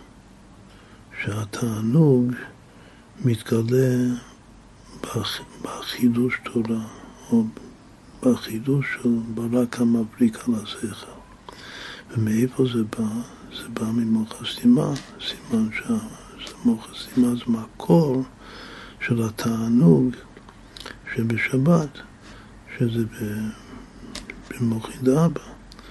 אז שם במוח הסתימה, בחוכמה סתימה, יש תענוג. והתענוג הוא הגבולה, דעתי שהוא מתעצם שם מאוד בתיקון שנקרא תלא דיבדוחה, או בהוצין את זה כדונית, זה גם כן ככה, שורש קו המידה, יש, יש בזה תענוג, והתענוג הזה מתייחס למוח הסתימה, שזה חיצוניות הכתר, כלומר שהוא מצטמצם, היות שזה גאולה דעתיק, אז העתיק שבו הוא מצטמצם, הוא מתייחד עם האריך, שהאריך כאן זה חוכמה דאריך, מוח הסתימה זה חוכמה של האריך, ומשם הוא מאיר לחוכמה הילה של, של האצילות. צריך לומר שבגולגלתו עצמו, שזה גם כן התלבשות של חסד העתיק, בתוך הגולגלתא דאריך, החסד לא כל כך מתעצם, הוא מת, מצטמצם בגולגלתא, שזה הכתר דאריך, כמו שהגבורה דעתיק מצטמצם, ב, ובכך מתעצם עם ה... עם המוח הסתימה של, של אריה. זה מעלה של המוח הסתימה דרך, כמו שהרבי הרש"ב מסביר את זה בכמה מקומות בחסידות, במיוחד בהמשך תרע"ב. אז ככה הוא אומר שהתענוג של שבת זה עדיין בחינת חיצוניות הקטע, שזה שורש הנעצרים. את הפנימיות הקטע נקרא המדרגה התחתונה שבמעציל. אבל אריך החיצוני של הכתר זה המדרגה העליונה של הנאצל, שזה שורש הנאצלים. אבל התענוג שהמשיך על ידי תקיעת שופר במקדש הוא לא תענוג של, של מוח הסתימה, לא תענוג של, של חיצוניות הכתר, הוא תענוג של פנימיות הכתר. פנימיות הכתר זה בחינת תחתונה שבמעציר. זה לא שורש הנעצרים, שזה באמת המושג הזה, שורש הנעצרים, זה תמיד בקבלה בחסידות, זה, זה דווקא המוח הסתימה של, של האריה, שממנו יוצאים גם שלושה שמות שהם כאל שקאי וכאל אדנות. שמהשורש של העולמות, של שלושת העולמות תחתונים ביאה. אבל התענוג של השופר שהיה בבית המקדש בראש השנה, שיכול להיות בשבת, וכן תקעו בשופר במקדש, אז הוא מבחינת פנימיות הכתר, שהוא בבחינת תחתונה שבמציר. הוא מוסיף הצמח צדק שגם בתענוג לבחינת התחתונה מציר, שזה פנימיות, יש גם כן כמה מדרגות, כמו שהזכרנו את זה קודם. והתענוג שנמשך בבית ראשון על ידי תקיעת שופר הוא נעלה יותר מהתענוג שנמשך בבית שני. בבית שני חסרו חמישה דברים, שאחד מהם זה השכינה, זה לא, לא אותה מדרגה של גילוי שכינה בכלל, בכלל שהיה בבית ראשון עד, עד כדי כך שכתוב שהוא, שזה היה חסר, הגילוי שכינה. אז ככה התענוג מפנימיות הכתר, מהמדרגה התחתונה של מציל, הרבה הרבה פחות בבית שני מאשר בבית ראשון, ואף על פי כן, גם בבית שני, במקדש היו תוקעים בראש שנה של חליות בשבת. עכשיו, בבית ראשון גופה יש מדרגות שונות. שהשופר דיון הכיפורים בשנת היובל, עכשיו אנחנו מגיעים ליובל, מה שאמרנו שבתורה המילה שופר ביובל כתוב מלא פעמיים, שופר תרועה, תעבירו שופר. אז לשנת יובל, שמצוות יובל הייתה רק בבית ראשון, לא היה כבר יובלות בבית שני. אז בבית הראשון היה כל פעם שהיה ראש שנה שחל להיות בשבת תקעו במקדש, אבל פעם בחמישים שנה ביובל היה ביום כיפור תקיעה תרועה מיוחדת של היובל. וזה מדרגה הרבה יותר גבוהה. שנת היובל שמצוות, שמצוות יובל הייתה רק בבית ראשון, הוא נעלה יותר מהשופר דראש שנה. ואף על פי כן, אפילו השופר הזה של היובל, שנאמר ואהבת השופר תרועה, זה לא כתוב שופר גדול, כתוב שופר תרועה. אז זה שופר סתם. בתוך השופר סתם זה מדרגה גבוהה מאוד של שופר סתם. וזה מובן ששופר גדול הוא למעלה גם מהגילוי שנמשך על ידי שופר דיובל.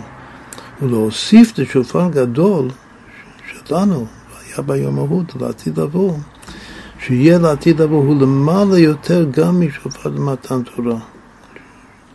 מכאן משמע שהשופר למתן תורה זה יותר גבוה מיובל. היה כל חמישים שנה, מתן תורה זה היה חד פעמי לגמרי, ונוחם אמרת נתר ואת ניצה. שהרי גם בשופר מתן תורה נאמר, ויהי כל השופר, שופר סתם, לא שופר גדול. כתוב קול גדול, אבל לא כתוב שופר גדול. וזה שממשיך בכתוב ויהי קול השופר הולך חזק מאוד, הוא שכל, יש עוד פסוק, קול גדול ולא יסף, שהוא, שהוא תכף יסביר, שהוא חזק מאוד הוא ש... קול השופר היה חזק מאוד, שזה קול גדול. קול גדול זה, זה פסוק בפני עצמו. אבל בנוגע השופר שממנו נמשך הקול, שזה העצם, הקול זה רק הגילוי שלו. אז לא כתוב שהשופר היה גדול, רק שהקול היה גדול. לא נאמר שהשופר גדול.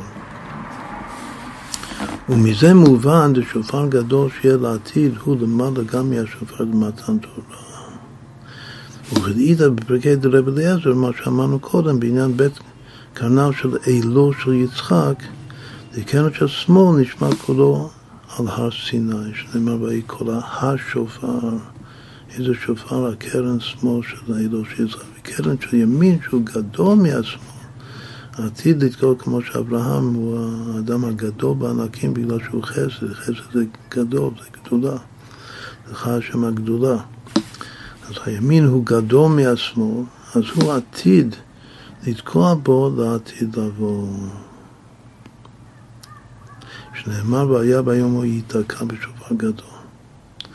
והטעם על זה שהשופר במתן תורה היה שופר סתם, והשופר לעתיד לבוא יהיה שופר גדול, מבן האדמון האמצעי, כי מתן תורה היו כולם בקירוב לאלוקות. זאת אומרת ששופר סתם, זה הוא אמר בהתחלה, שופר סתם זה, זה מעורר אחד שיש לו קצת קירוב לאלוקות. במתן תורה כולם היו ממש קרובים לאלוקות, לכן לא היו זקוקים לשופר גדול. אז אה, השם לא, לא עושה נס אה, בכדי למגנה, ואם לא צריכים את זה, לא עושה את זה, ולכן מספיק שופר סתם. אז אה, הם היו קרובים לאלוקות גם לפני כל השופר, גם עוד לפני שהשם השמיע כל שופר, שזה עוד יותר התעוררות, אבל כבר היו קרובים. לכן גם על ידי שופר סתם היה אפשר לעוררם עוד. אבל בכדי לעורר את העובדים והנידחים הוא דווקא על ידי שופר גדול. ועל פי זה מבאר מה שכתוב ייתקע בשופר גדול, לשון ייתקע זה אתה בקומץ, מורה שייתקע מעצמו, כי הגילוי לבחינת שופר גדול לעורר את העובדים והנידחים יהיה מעצמו, בלי התערותא דלתתא הכלל. לגמרי מעצמו. עכשיו, הביטוי הזה, בלי התערותא דלתתא הכלל, הוא יסביר בהמשך שזה עיקר הפורס כאן של כל המאמר, שזה כן יכול להיות עבודת האדם, עבודה מיוחדת של ביטול במציאות, וזה נקרא שזה בלי, בגלל שהוא מכיר בעצמו שהוא עני ואביון. ותן לו משלו, ואין לו כלום מעצמו, אז זה נקרא שההתערבות הדלתתא זה לא, לא מרגיש את זה כשלעצמו, כעצמו כלל וכלל, וזה גם נקרא בלי התערבות דלתתא כלל. בכל אופן, עיקר הפשט הוא זה לא כך, עיקר הפשט זה שזה מדובר בעובדים וניתחים ממש, שאין להם שום התערבות דלתתא, ולהם צריך להגיע שופר גדול. אז עכשיו, כשהגענו עד פה, צריך לעשות את הסיכום של כמה מדרגות הוא אמר לנו. אז הוא אמר שיש השופר של עכשיו, שהוא uh, במדינה, וכאשר ראש השנה חל להיות בשבת, לא, לא תוקעים בו בכלל. וזה בגלל שהתענוג הוא מחיצוניות הכתר, וגם השופר. שהיינו, אם כן היינו תוקעים בשופר, זה גם רק היה מאותה מדרגה של תענוג. לכן השבת מוציאה את הצורך של לתקוע. אבל יש מה שהיה בבית שני, ושכן היו תוקעים במקדש, בשבת שיכול להיות, בראש שנה שיכול להיות בשבת. יש יותר מזה ראש שנה שצריכה להיות בשבת בבית ראשון. ויש יותר מזה היובל. ויש יותר מזה השופר של מתן תורה. ויש יותר מזה השופר של משיח, שזה שופר מעצמו. שזה, רק זה שופר גדול.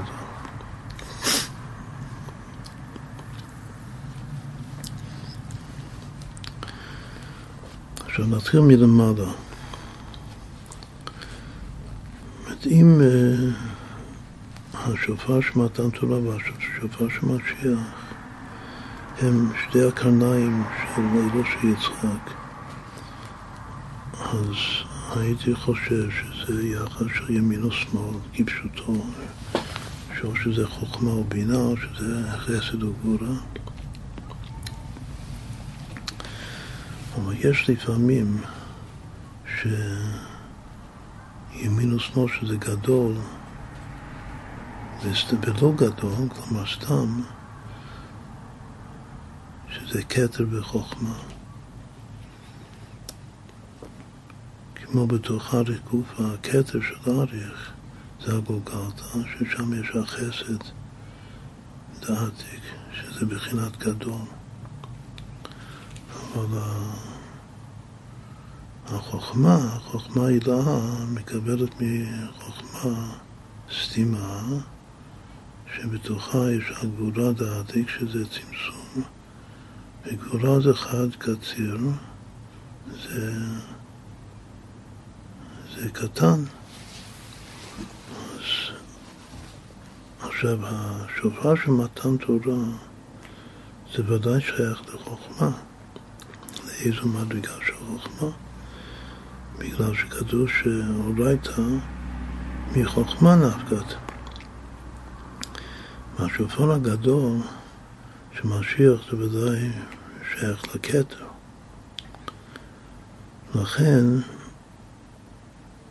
צריך וראוי לכוון את שני השופרות האלה כנגד הכתר דרדלה שקטע דרדה זה עצם האמונה הפשוטה, כמו שאנחנו מסבירים את זה בכל מקום, שבתוכו חביון עוז העצמות. וחוכמה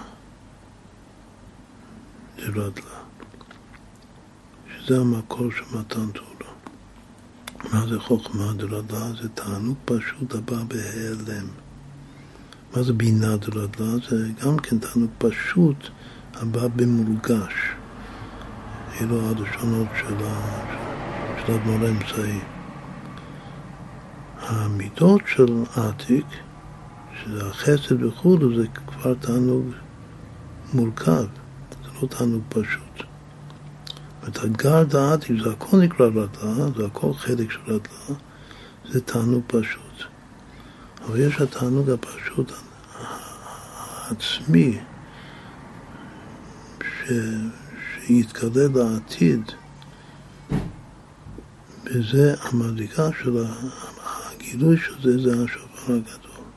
זה הכתר דעתיק, הכתר דרדלה. השופר הגדול של של ייתקע בשופר גדול, ובאו העובדים בארץ אשור והנידחים בארץ מצרים. יש השופר של מתן תורה, ש... שהוא uh, החוכמה, זה, זה כמו שנסביר את זה עוד יותר בהמשך. במתן תורה היה מימד של העלם, של תענוג פשוט הבא בהיעלם. ו... ולכן נוכל מתן תרא. בגלל שלעתיד לבוא הכל יהיה בגלוי, לא יהיה יותר דבר שבא בהלם בכלל. הכל, הכל יהיה בגלוי. לכן הדבר הזה של תענוג פשוט, הבא בהיעלם, זו תופעה חד פעמית.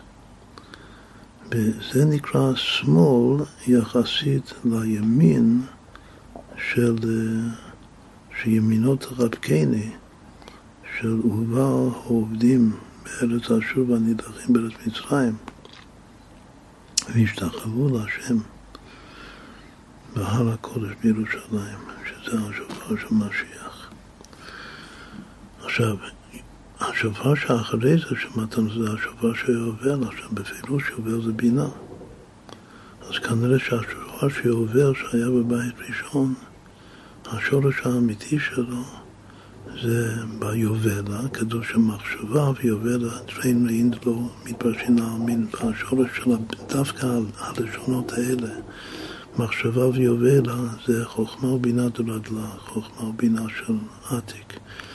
שהמחשבה זה התורה, והיובלה זה היובל, שזה הבינה.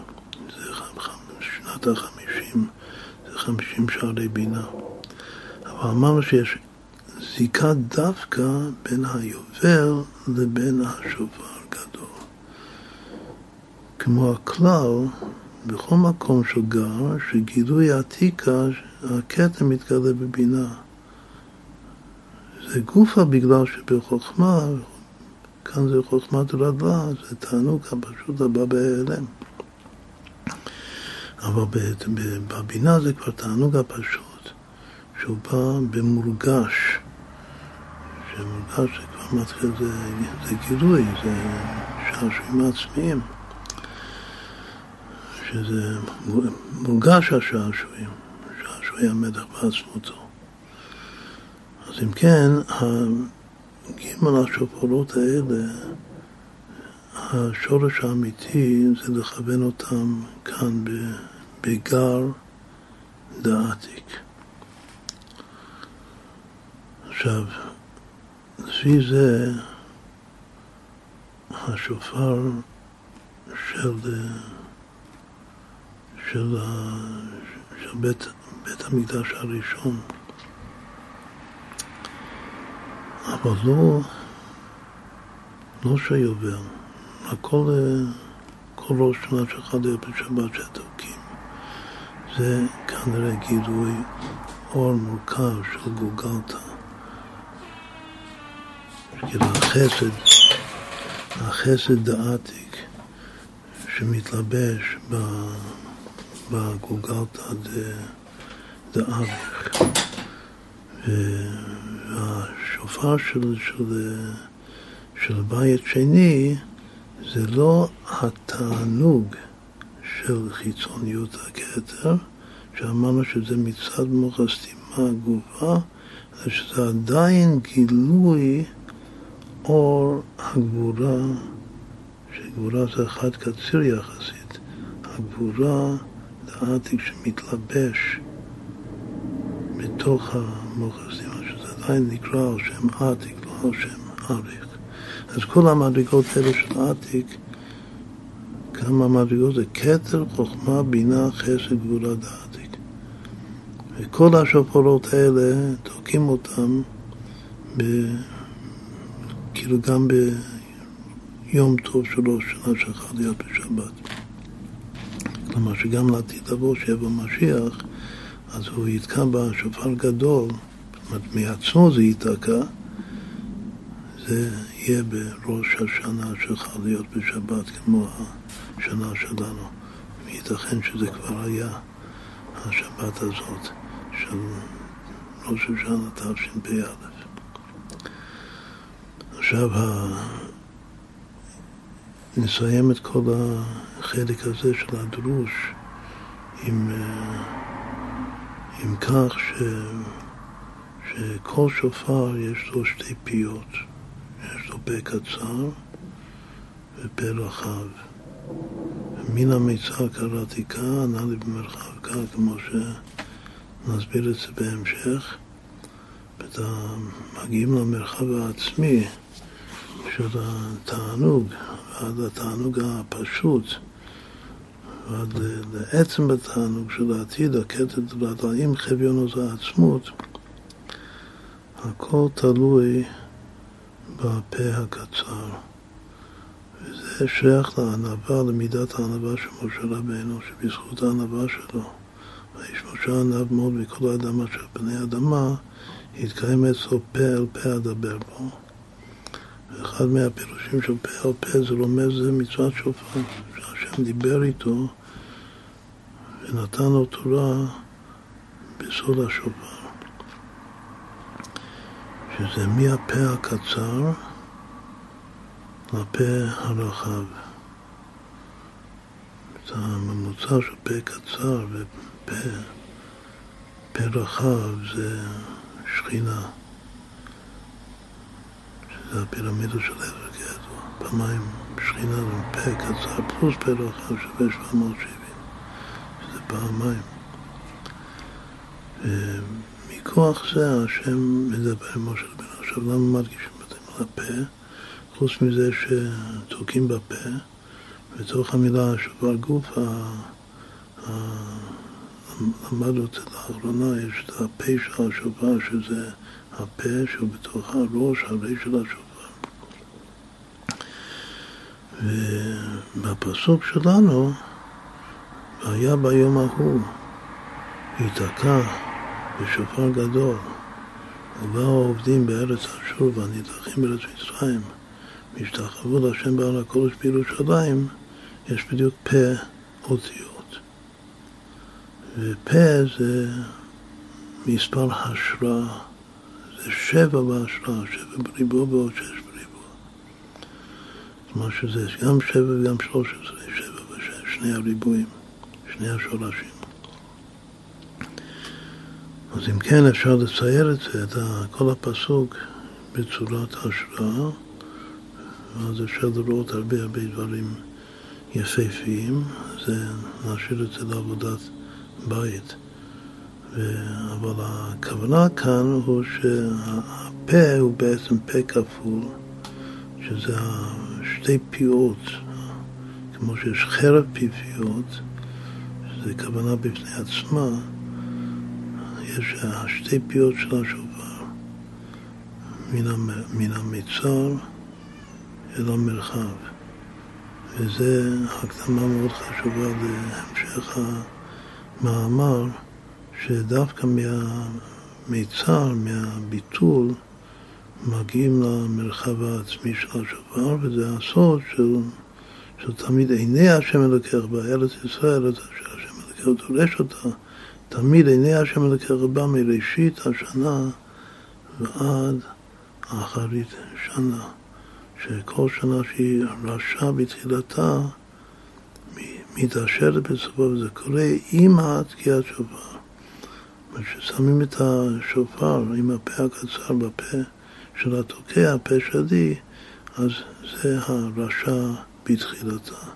וברגע שהכל יוצא מהפה הרחב השני, זה כבר מתעשרת בסופה. מן המצער קראתי כה, ענה לי במרחב כה, כאשר עיקר העבודה שלנו זה הפה הקצר. זה הביטול בתחתית, שגם אם האדם הוא עשיר שבעשירים, הוא עני ואביון. עני ואביון אנוכי, עני ואביון אני, שני הפסוקים. אז עד כאן למדנו ג' אותיות של המאמר הזה, בעזרת השם נמשיך. נתחיל שוב מתחילת אות ד' במאמר. והנה מבואר בתחילת המאמר. אחרי הדיוק בפסוק, והיה ביום ייתקע בשופר גדול, שכתוב ייתקע, שזה מעצמו. זה שאומרים בראש שנה זה היום תחילת מעשיך, כי בכל ראש שנה התהוות כל העולמות מחדש.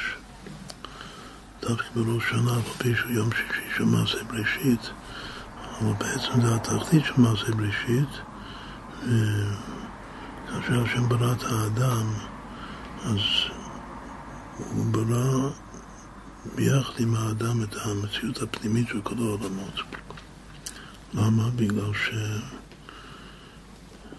שידוע חקירה האם בכלל יש מציאות בחוץ, מציאות חיצונית ללא המבט והמודעות של האדם על המציאות. שבעצם זה שתי בחינות של המציאות. את המבט הסובייקטיבי של האדם על המציאות זה בעצם ממשיך מציאות יותר פנימית, מדרגה אין סוף יותר נעלית מאשר המציאות החיצונית בפני עצמה, מה שהיה מכ"ה באלול, היום הראשון של בריאת העולם. זה על דרך זה שהאדם הראשון הוא קרא שמות לכל הנבראים. שהשם זה המשכה מה, מהעצם, שהנברא נמצא בלי שם, אז הוא כאילו מנותק מהשורש שלו. אבל השם מחבר אותו לשורש, וככה בריאת האדם זה בעצם לחבר את כל הבריאה לשורש ולהמשיך להמשיך אה, ביתר שאת ויתר עוז גילוי אור בתוך המציאות, שזה לאמת השם. אמת זה חותמו של הקדוש ברוך הוא בעולם. והחותם של מעשה בראשית זה האדם. והוא בעצם מאמת את המציאות כולה. אז, והדבר הזה הוא קורה בכל שנה, כמו שכתוב, הימים האלה נזכרים ונעשים. שזה שייך לזיכרונות כמובן של ראש שנה. אבל יש באמת התהוות כזאת לעולמות מחדש, כמו שהיה בפעם הראשונה. ומה שכתוב זיכרון, זה נקרא, זה היום תחילת מעשיך, שזה ממש תחילת מעשיך. יש עוד דיוק שתחילת מעשיך, הכוונה להמשיך את מעשיך מהתחילה.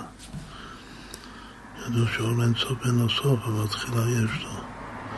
והתחילה הזאת, זה השורש האמיתי של הכל, וממשיכים את התחילה, שזה סוף מעשה במחשבה תחילה, דווקא כשמגיעים לסוף מעשה, שזה יום שישי, שזה בריאת האדם, זה ממשיך את, ה, את התחילה, את המחשבה תחילה של השם.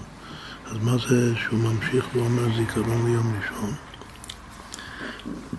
שמכאן משמע של ראש שנה הוא רק זיכרון ליום ראשון. כלומר שמשמע של יום ראשון הוא יותר נעלה מראש שנה, יום שישי. זיכרון, כי כאן זה זיכרון כאילו לגריותא. רק זיכרון ליום ראשון. הוא, כי מתחילת הבריאה המשכת הרצון והתענוג בבריאת העולמות הייתה מצד עצמו. אז כאן עכשיו הוא, הוא נכנס ל... גם לחקירה הכללית בחסידות, מה יותר נעלה, המשכה מלמעלה מצד עצמו, מה שנקרא התעלות עד אלה בלי התעלות עד לצד הכלל, או שדווקא התעלות עד אלה שבא על ידי ההתמודדות הוא יותר נעלה. וזה ההבדל בין, בין היום הראשון ממש, שזה כ"ה באלול, לבין ראש שנה, שזה יום השישי של מעשה בראשית. ש... שביום הראשון, הוא כותב כאן כי חפץ חסד הוא, לא הייתה שום התעוררות מלמטה, בגלל שלא היה עדיין אדם במציאות, לעורר מלמטה. אז הכל זה רק היה מצד עצמו של השם, הבריאה. זה נקרא כי חפץ חסד. עכשיו, הוא כותב שזה המשכת הרצון והתענוג. הביטוי חפץ חסד הוא במילה חפץ, יש גם תענוג וגם רצון. זה התענוג של השם רצון, שזה העונג שמתלבש ברצון, שזה בעצם המשכה ממה שנקרא זת העתיק, שבזין תיקוני גוגלתא דאריך. שהראשון שלהם זה הגוגלתא, שהוא נקרא, זה החסד דעתיק, שבגולגל תדריך. על זה כתוב כי חפץ חסד הוא. שזו המידה הפנימית, מה שמקביל לו בי"ג המידות כרחום וחנון של רבנו זה רב חסד, המידה השישית. אבל במידות של מיכה, שזה האור, ביחס למידות של משה שהם הכלים. אז המידה הזאת היא כי חפץ חסד הוא. אבל עכשיו, זה, זה מה שהיה ביום ראשון. שזה התעלות ללילה בלי התעלות לתת, אבל עכשיו בהתעלות לתת טל ימיתה, אחרי שאדם נברא, שהשם נתן לו עבודה, עובדה לא שמרה, הוא שם אותו בגן עדן בשביל לעבוד ולשמור. ועוד לפני שהוא נברא בפועל, יש כבר אה, רמז להתעלות לדתתא שעכשיו מתחדש ביום שישי, שזה ועד יעלה מן הארץ. זה כדי כאילו להכין את העפר שיתקיים בהמשך, וייצר השם אלוקים את האדם עפר מן האדמה, כמו צריך לקבל אותו, להרטיב אותו. זה העד, מה זה עד? עד זה ראשי תיבות התעלות לתת, זה רמז שעכשיו הולך להיות התעלות לתת, וכל ההתעלות האלו יהיה בזכות, מכוח ההתעלות לתת. עכשיו ידם ממשיכים הרצון והתענוג בבריאת העולמות. מה העבודה שלנו בראש שנה? שזה ההתעלות לתת שלנו, זה מה שחזר אומרים בפירוש, מה שבכל שנה ושנה יש לנו עבודה להמליך את השם, זה בניין המלכות, זה מה שהשם אה, רוצה מאיתנו, שנמליך אותו, נקבל את מלכותו, את קבלת המלכות. הרבי היה מתבטא שזה, שתחתית העבודה זה אך ורק קבלת המלכות, שזה הולך המלך המשיח, לקבל את מלכותו של המשיח, אבל זה נעוץ, כאילו סופה נעוץ בתחילתן, שזה קבלת מלכות שמיים, והיה שם למלך על כל הארץ. גם משיח בעצמו, בסוף, הוא ימסור את המלוכה לקודש ברוך הוא. המשיח הוא המלך התשיעי שמולך על כל העולם, מסוף העולם ועד סופו, ואילו הקודש ברוך הוא המלך העשירי, גם הראשון וגם האחרון, אני ראשון ואני האחרון. עכשיו, זה מה שחז"ל אומרים שהעבודה של ראש השנה זה מלכויות וזיכרונות שופרות. אימנו לפני מלכויות כדי שתמליכוני עליכם וזיכרונות כדי שיעלה זיכרונכם לפניי לרצון, ומה, איך עושים את זה? צריך את זה מעשה בפועל, לעשות את זה, זה הצעקה הפשוטה של למעלה מהשכל, מה שהוא הסביר בהתחלה, של הקול שופר. זה גם כן העבודה שזה ממש עבודת התחתון, התשובה ששפלו מעשיכם. אין, אין לך התערות לתת יותר מתנועה אמיתית של תשובה אל השם. וזה השופר, כמו שהרם כותב בהלכה, מה הרמז, מה העניין של השופר. אורו ישנים וכו'. והטעם על זה שההמשכה עכשיו היא על ידי עבודת האדם, או כי על ידי, למה השם רוצה ככה? למה לא מספיק לו, אפילו עדיף לו, שהכל יהיה בבחינת חפץ חסד כי על ידי המשכה עכשיו, שזה על ידי האדם, על ידי אימון לפניי, מלכויות, היא על ידי עבודתם של ישראל, שאתם קוראים אדם. יסוד אורייתא וקודש כל אחד, ישראל זה יש שישים ריבו אותיות התורה. זה ממש אחד עם, עצ... עם העצמות. שורש ישראל הוא בעצמות דווקא. מה זה העצמות? זה, זה מה ש... זה... איך שזה מופיע, הבחינה הזאת של העצמות, גם אחרי הצמצום הראשון זה נקרא חביון עוז העצמות, שהוא בפנימיות רגלה, שזה למעלה מזין תיקוני גולגלתא. למעלה מכי חפץ חסדו. אז עוד פעם, השורש שלנו, שישראל זה גם כן אותיות לי ראש, ועל לי ראש, איזה ראש מדובר? רגלה, ואיש עוד לא ידע ולא התיידע. השורש שלנו זה בעצמות, והרצון והתענוג שנמשכים עכשיו על ידי ישראל, על ידי התעלות לטאטה, הם נעלים יותר מהרצון והתענוג שנמשכו מצד עצמם בתחילת הבריאה. שוב, משהו בתחילת הבריאה זה רק זת העתיק, ועכשיו זה בא מגד העתיק, ששם יש חביון עוז העצמות. ואף על פי, ועל פי זה, לכאורה זה סותר את כל היסוד שלנו עד עכשיו. שאמרנו שכל הגדולה של השופר הגדול של מלך המשיח זה שזה מעצמו לגמרי. בלי שום התעלות לטאטה. אבל כאן אנחנו לומדים שהעיקר זה התעלות לטאטה. שזה העבודה שלנו, אם לא לפנים האחיות, יותר מכי חפץ חסד.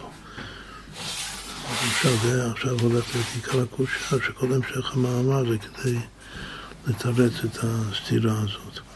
ועל פי זה צריך להבין שהשופר למעלה, שזה פנימיות הרצון העליון שנמשך עכשיו, בראש שנה זה רק שופר סתם. זה לא שופר גדול של משיח. השופר סתם, הוא נמשך על ידי העבודה שלנו. המשכתו היא על ידי עבודת האדם, אבל השופר לעתיד לבוא שמגיע באין ארוך יותר,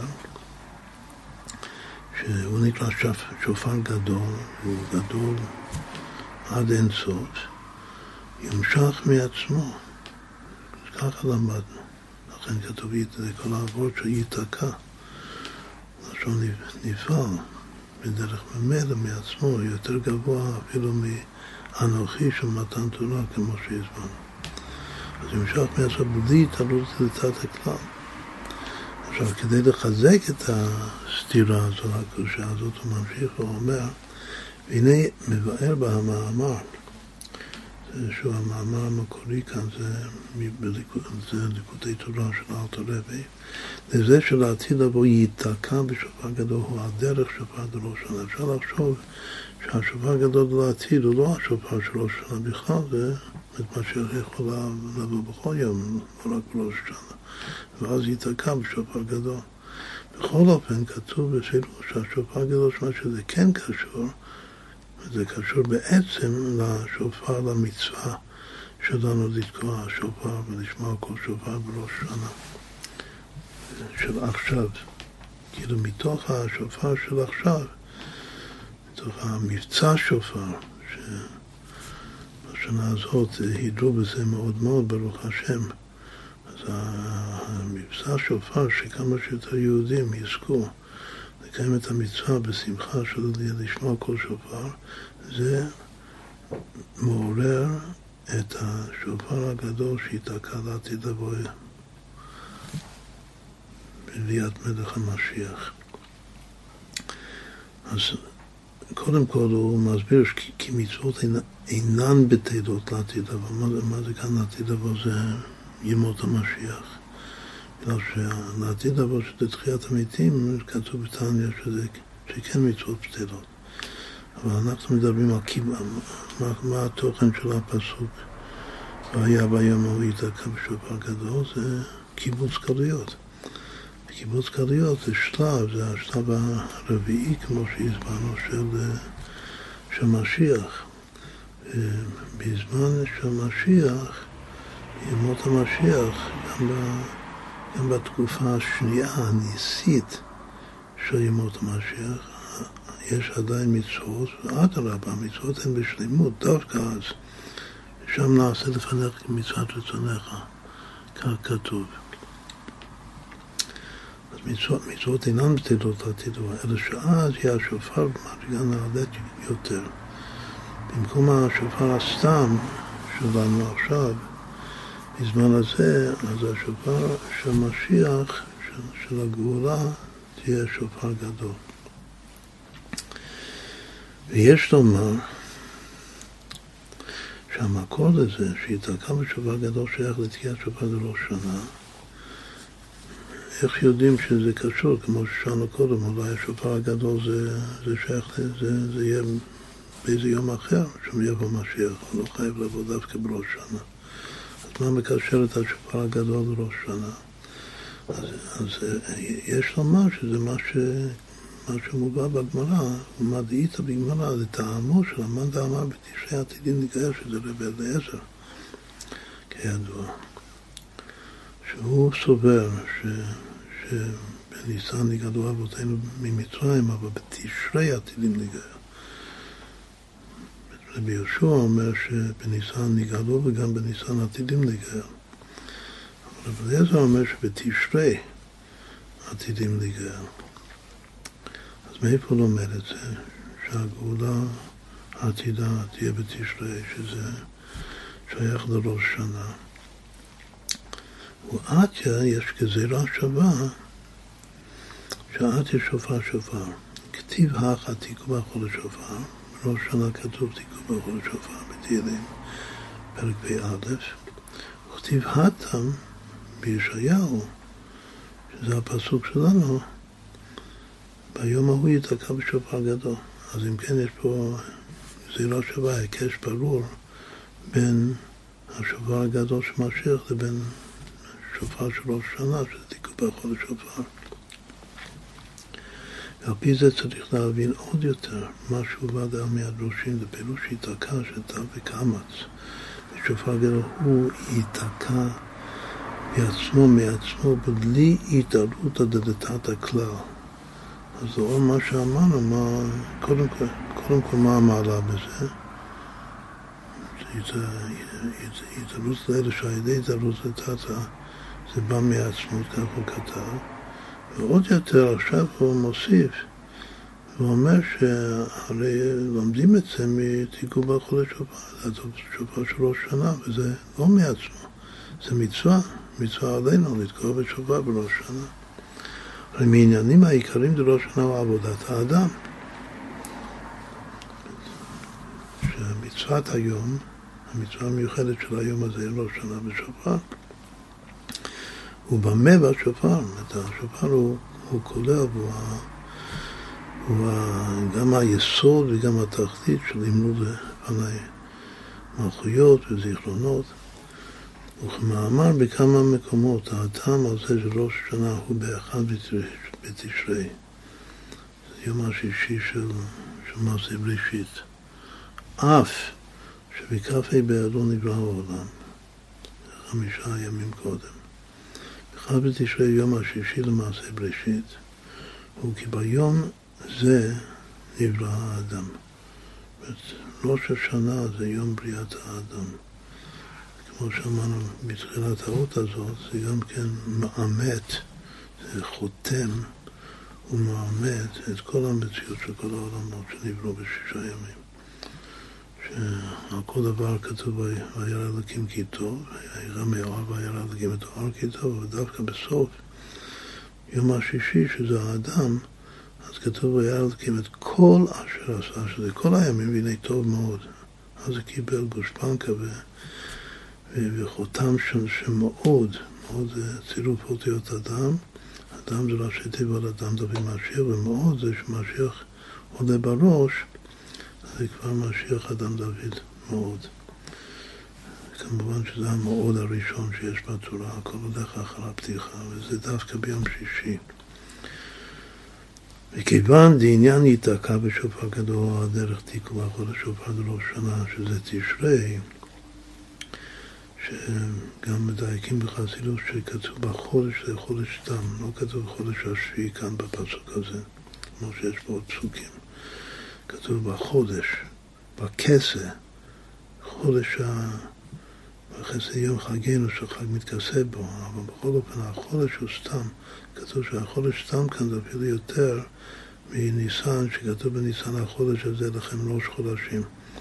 בניסן זה חודש הוא ראש חודשים, אז יש לו שייכות החודשים, זה כמו סובב כל המין שהוא סובב, הראש שלהם, אבל הוא שייך להם, אבל חודש תם הוא כמו קודש, שהוא נבדל בעצם, וזה הדיוק בפסוק תיקו בחודש שופר.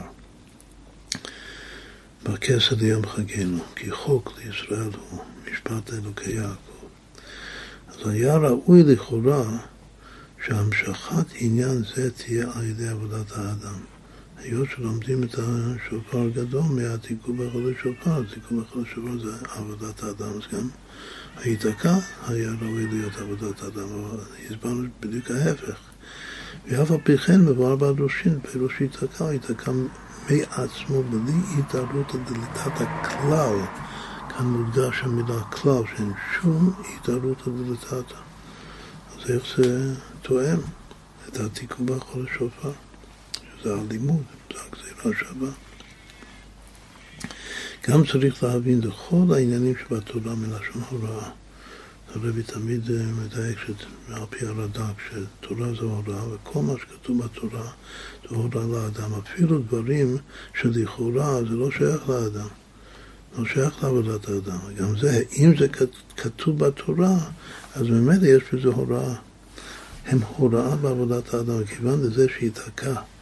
ושופר גדול יהיה מלמעלה, בלי התערבות לטאטה, כמו שאמר כאן הכלל, שזה ייתקע.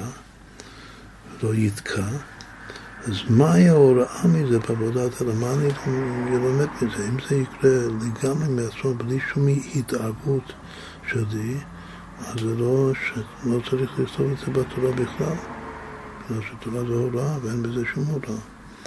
עכשיו זה, הכל בא לחזק את, ה, את הסתירה לכאורה בין מעצמו השופר הגדול לבין עבודת האדם, שדווקא עבודת האדם מגיעה לעצמות וכו'.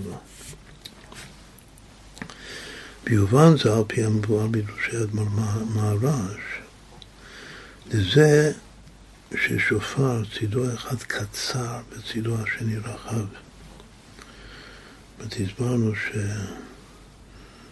שמקום אחר זה גם כן נקרא פה. יש לו שתי, שתי פיעות לשופר. אפילו בתוך המילה שופר יש פה, הפה זה הפה שבתוך הראש של השופר. אחד הוא קצר והשני, הפה השני שהכל יוצא ממנו, הכל נכנס, הבעל תוקע, תוקע, שם את הפה שלו בפה, בצד ה... קצר, שזה נקרא כאן הצד הקצר, הכל יוצא בסוף מהצד הרחב, שזה מן המצר אל המרחב. לפי זה הריש של שופר, זה גם סופי תיבות קצר וגם ראשי תיבות רחב, כלומר שהריש היא האות המשותפת לקצר ורחב. כאילו מהסוף של הקצר מתחיל הרחב. כמו כל שנה שהיא בתחילתה מתעשרת בסופה תכף ומיד. אז זה שופר. יש לו צד אחד קצר וצד שני רחב. אז הוא על שם הפסוק בתהילים, קי"ח. זה הפרק האחרון של הלל, שכתוב שם מן המצר קראתי כה, ענני במרחבך. וגם הקריאה מן המצר וגם הענייה במרחב זה שייך לשם י"ק, שגם בשם י"ק יש, י' הוא, הוא נקודה, הוא קצר, וה' הוא מתפשט. לאורך ורוחב ועומק, שלושה מימדים יש בשלושת קווי הה'.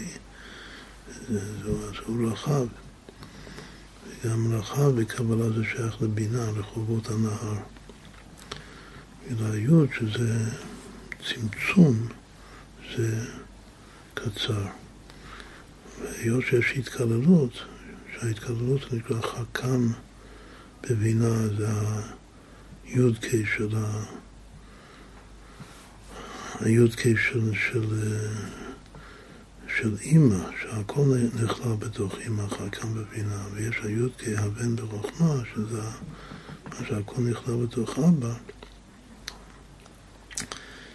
אז זה מן המיצר קראתי כך, שזה הה' כלולה בתוך הי', הבן בחוכמה, וענני במרחביה, שזה הי' כלול בתוך הה', שזה חכם בבינה, מעלה אף על פי שבדרך כלל האבן בחוכמה זה יותר גבוה, זה הווי לעין, והחכם בבינה יותר נמוך, זה רק ישראל סבו תבונה, אבל דווקא שם יש מעלה של ענני במרחביה, של רחובות הנהר. כמו שכל השופר על ידי שיוצא מן המצר מצידו הקצר על ידי זה דווקא הוא במרחב ובהתפשטות בצד הרחב שלו.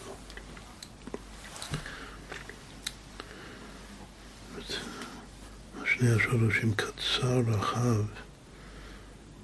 כמה זה שווה? קצר זה 390 ורחב זה 210, אז זה בדיוק משלים ל-600. ויש כאן שש אותיות. כלומר שהערך הממוצע של כל אות קצר רחב זה מאה. זה רמז למאה קולות שתוקים בראש שנה. שבמאה, בשלימות של מאה, שזה היופי של י' פעמים י', יש גם את המעלה של הקצר, שזה הי', וגם המעלה של ההלכה, שזה הה', ביחד. כמו שכל השופר על ידי שיוצא מן המיצר מצידו הקצר על ידי זה דווקא הוא במרחב ובהתפשטות בצידו הרחב, כמו כן הוא ברוחניות. שעל ידי הצעקה מן המיצר והדוחק, שזה קשור לביטול, המיצר והדוחק זה מביא את האדם לביטול, מבטל את המציאות שלו. זה היוד, השם השם. שם הוא צועק, הוא צועק למעלה מהשכל. יש בחינה בחוכמה, כמו שכתוב בתניא, שזה למעלה מהשכל. אבל הצעקה הזאת זה בא מהרצון הפשוט שמעל השכל, כמו שהוא הסביר את זה בהתחלת המאמר. יש צעקה מן המיצה והדוחק.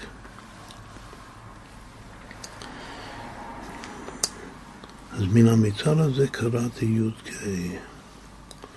אני קורא לי"ק. זה מה שאנחנו מסבירים בסוד השם, שהתקיעה הראשונה זה צעקה, והתקיעה השנייה בסוף זה קריאה. בעצם יש הנחה של השברים ובכייה של התרועה. אבל התקיעה, לתקוע בשופר, זה קודם לצעקה, והצעקה הזאת גופה, ככה אנחנו קוראים להשם מה זה קוראים, הוא מסביר את זה שקוראים זה כמו ילד שקורא לאבא שיבוא אליו. שהוא מתגעגע לאבא, אבל לא יכול להיות בלי אבא. על ידי זה דווקא, על ידי הצעקה שהיא בעצם קריאה לי"ק, אז על ידי זה דווקא ענני במרחב י"ק.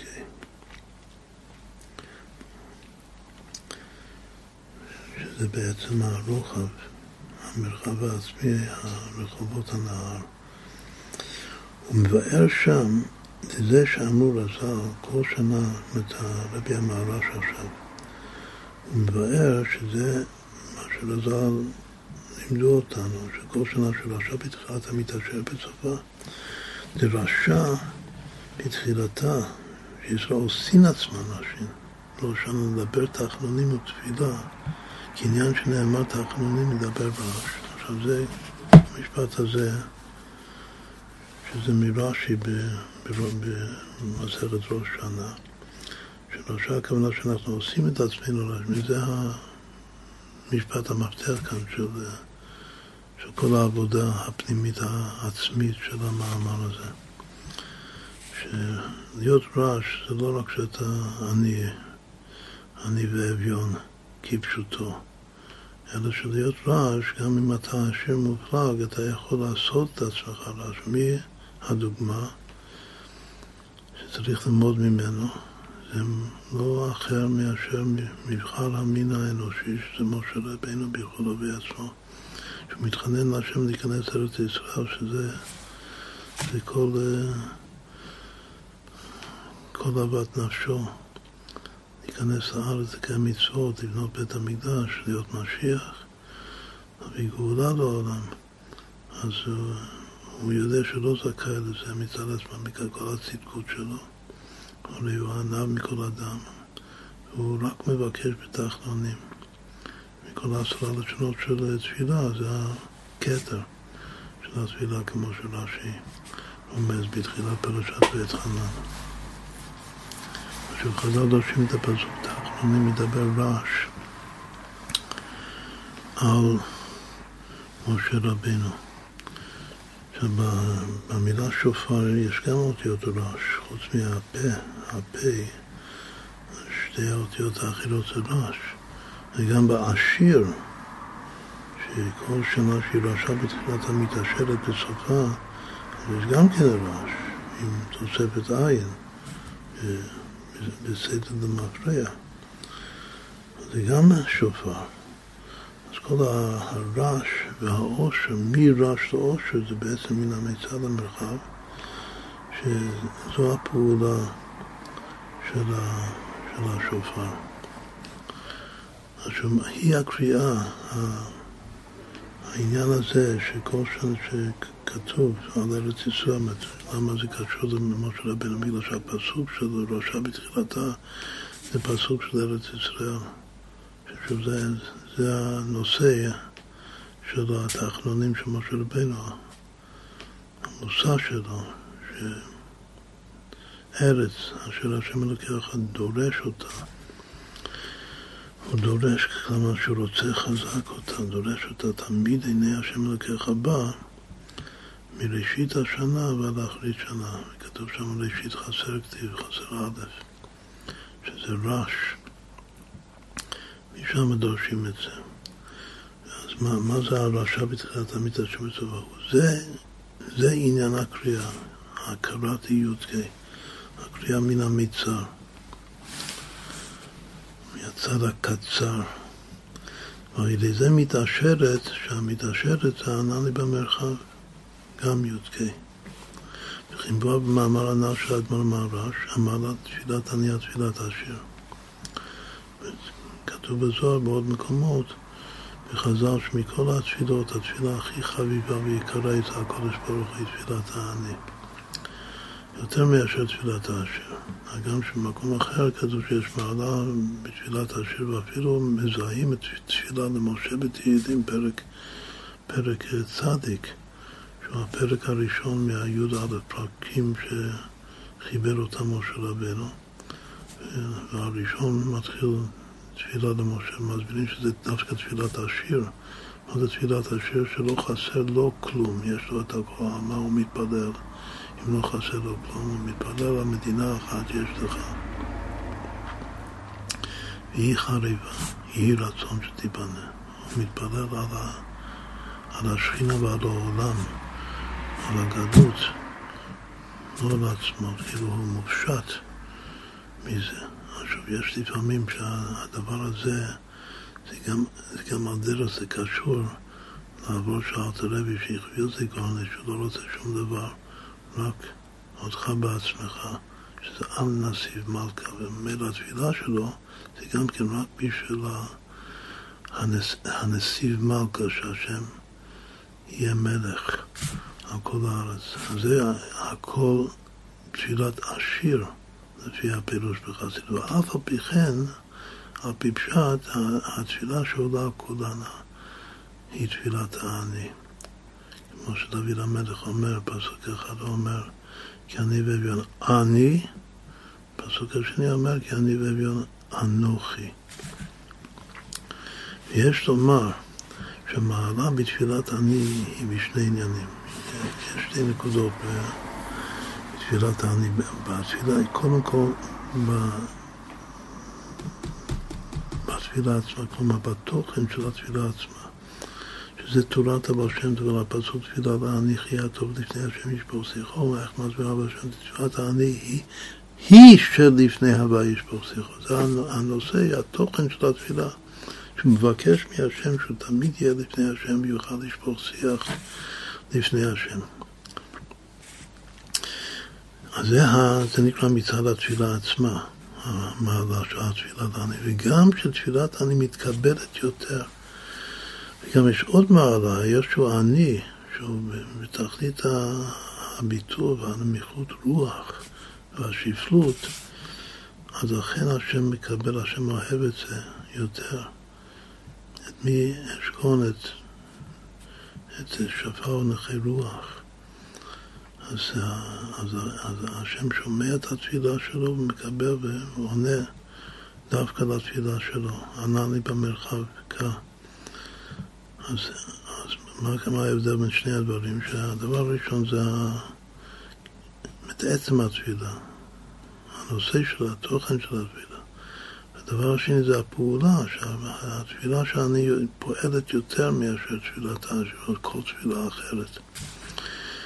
עכשיו, ועוד עניין, עוד עניין כאן זה עניין שלישי בעצם, שגם התענוג לאדם מההשפעה שנמשכה לו על ידי תפילתו, זה שאדם מתפלל מכל הלב, הוא שופך את הלב נוכח פני אדני, פני השם. אז יש בזה, יש בזה משוב. כמה שהוא בוכה, ושערי דמעה לא ננעלו, תוך כדי הוא מקבל איזה משהו של תענוג עילאי לגמרי. אז התענוג של האני, גם לשים לב שהמילה תענוג עונג, זה מתחיל עין נון שזה אני. אפשר לומר שהשורש עונג זה אני גדול, הגרויסו אורמן, ש... שלגמרי אני.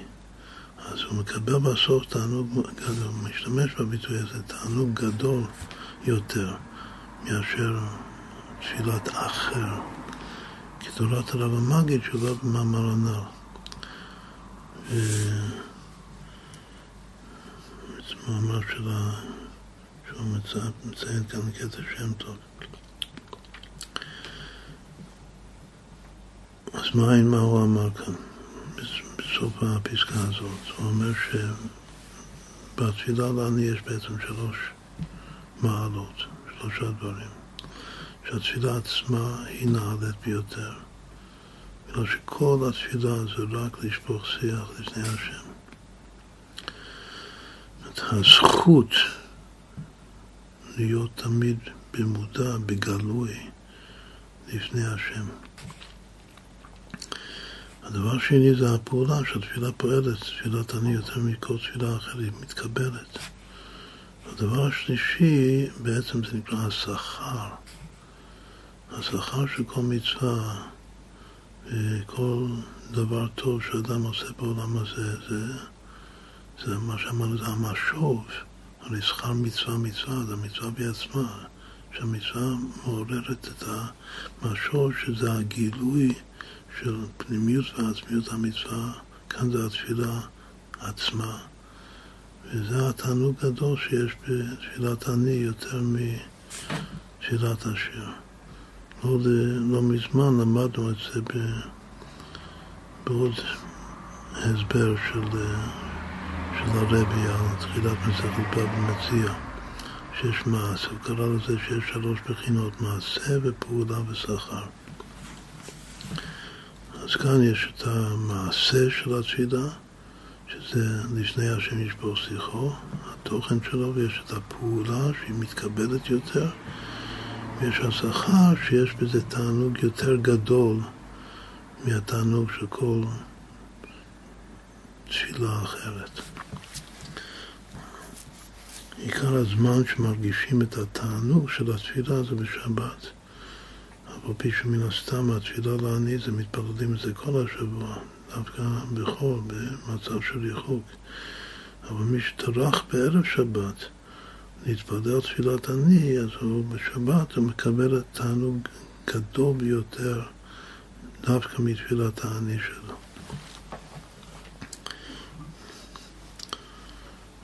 גם בדבר אה, השני שהיא מתקבלת יותר, אז מה שהמילה אני זה גם לומד לשון ענני. אני זה גם לשון ענייה. ענני במרחב יודקה. יש כמה שהוא יותר עני, במין המיצר קראתי כך, ככה יש יותר ענני, ענני במרחב כך. ועל פי זה יש לדבר השייכות ייתקע בשופר גדול בראש שנה, כי זה שלעתיד לבוא ייתקע בשופר גדול, בכדי לעורר את העובדים והנידחים הוא כי העובדים והנידחים בתכלית המיצר, או במודע או שלא במודע, אין לך מיצר יותר, כאן מדובר בנשמות ישראל, שבגלות, גלות כל כך קשה, עצומה, שהם עובדים בנידחים.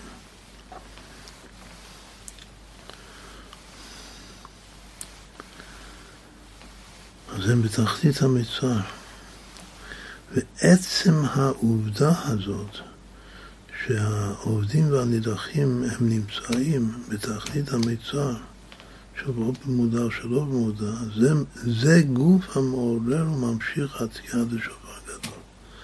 את המצר, הצר והקצר, הקוצר רוח שלהם. זה ממשיך מלמעלה, שהיה ביום ההוא ייתקע מעצמו בשופר גדול, ואז הובאו העובדים בארץ השובה נידחים בארץ מצרים, השתחוו להשם בעל הקודש בירושלים. ההמשכה, ההמשכה הזאת של השופר הגדול זה נקרא מבחינת סתימה דחול סתימין. זאת אומרת, כתוב שהשופר גדול הוא לא סתם, יש שופר סתם, יש שופר גדול, שזה לא סתם. אבל היתקע זה סתם, כך הוא כתב בהתחלה, בתחילת המאמר. לא כתוב מי התוקע. אבל זה העיקר, שהוא, שהתקיעה כאן זה מעצמו ממש, בדרך ממילא. אז הסתם הזה הוא בא ממקום שנקרא סתימה דכל סתימין. בכל דבר יש סתם ודווקא. אז בשופר הגדול, הדווקא זה הגדול, השופר הגדול, הסתם זה היתקע. והשופר סתם, אז זה ההפך, השופר הוא סתם, ומי שתוקע זה דווקא, מי זה דווקא? זה אדני אלוקים הוואי בניקוד אלוקים יתקע. שוב, אז זה מה ממשיך את התקיעה לשופר גדול, שזה יבוא מהסתימה לכל סתימין. עצם המועקה של, ה... של העובדים והנידחים. וזהו השייכות להיתקע בשופר גדול לראש שנה, תיקעו בחודש שופר, כי עניין ראש שנה הוא על ידי שהיא רשע גם דורש את המילה ראש, רק שרשע זה בלי א', מראשית השנה. בכל אופן יש את הראש, ולפעמים חז"ל דורשים ראש עם א', אפילו זה כתוב פעם אחת בתנ"ך, ריש עם א', שזה זה רש. רש ודל. עכשיו בתחילתה, מראשית השנה, ראשית חסר כתיב. אז משמה בראש שנה היא מתעשרת, תכף מיד בתקיעה כבר מתחיל להיות המתעשרת בסופה. אחר כך אה, עוד יותר, כאשר מתקיים הפסוק תיקעו בחודש שופר בכסדים וחגים, מה שהיה מכוסה ברשות של, של ראש שנה, הוא מתגלה כיום לאור חגינו בחג הסוכות, וזה אושר. מתעשרת בסופה, אז יש בעצם שלוש בחינות של מתעשרת בסופה, או תכף מיד, כאשר הכל יוצא מהצד הרחב, ואנו במרחב יד, או בכסף, מה שמכוסה בראש שנה, ליום חגנו זה הופך להיות בגדוי ואור גדול בחג, זה זמן שמחתנו, או במשך כל השנה כולה, עד היום האחרון של השנה. שמה שכמה שהיא יותר רשע בתחילתה, כך היא מתעשרת והולכת, כאילו מחייל לחייל, באושר עד סוף השנה. אז בעצם שלוש הבחינות האלה של המתעשרת בסופה זה, זה על דרך נקודה קו שטח. שנקודת העושר זה כבר מיד עם התקיעה, והקו, שזה להמשיך להוציא מן ההיעלם אל הגילוי, שזה בכסר ליום, זה בזמן שמחתנו. אבל השטח הרחב של עושר בכל מכל כל, בכל דבר, זה הולך ומתעשר יותר ויותר במשך, במשך כל השנה כולה.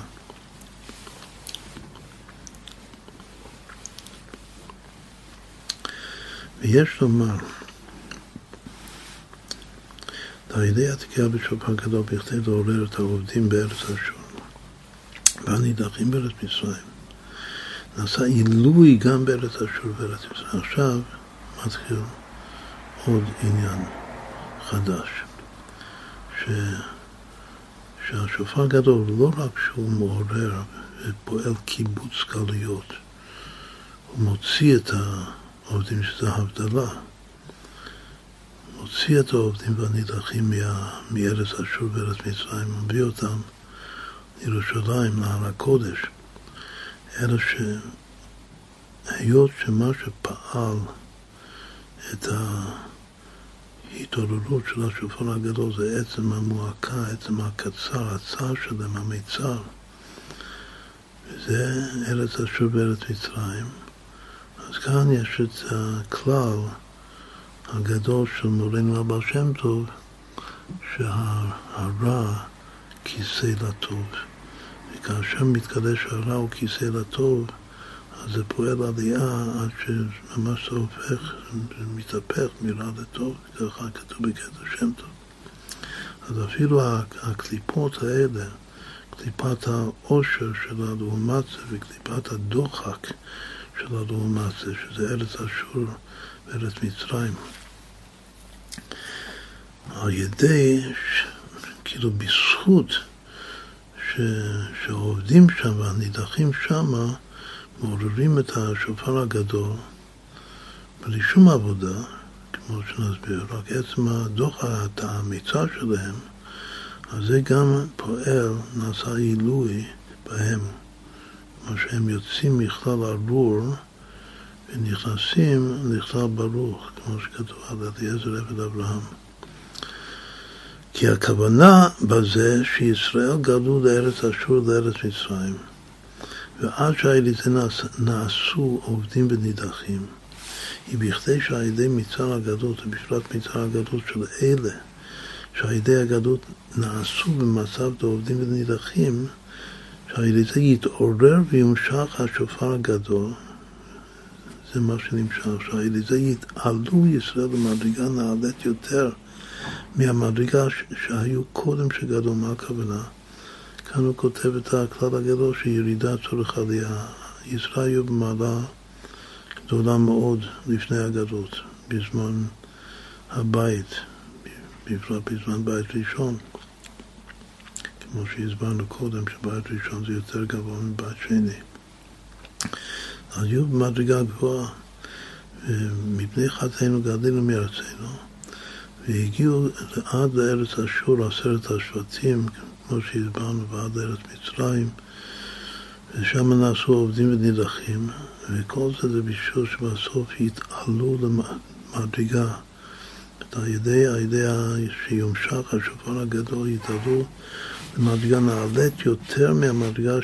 שהיו קודם שגדלו. זה ירידה צורך עלייה, זה, מה זה דומה? זה דומה למה ש... למדנו לאחרונה שהנחש בגן עדן מקדם הוא דווקא פעל, הוא רצה להפיל את האדם כדי לשייך את האדם אליו. הוא לא ידע ש, שיש גם אפשרות כזאת ש, שהאדם במקומו בתוך עדן יוכל גם כן לתקן את המציאות החיצונית, הוא חשב שהוא צריך להשתייך ממש למציאות החיצונית, לכן הוא הפיל אותו. אבל בסוף, על ידי שהוא הפיל אותו, האדם הזה הוא יתעלה עוד יותר גבוה. הוא יתעלה מאדם להיות מאוד, ואז באמת ההנחה שהוא הוא זכאי בזה.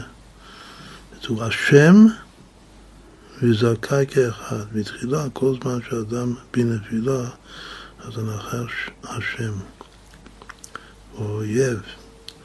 של האדם. אבל ברגע שהאדם יתעלם מתוך זה גופה, אז הנחש כבר יהיה זכאי.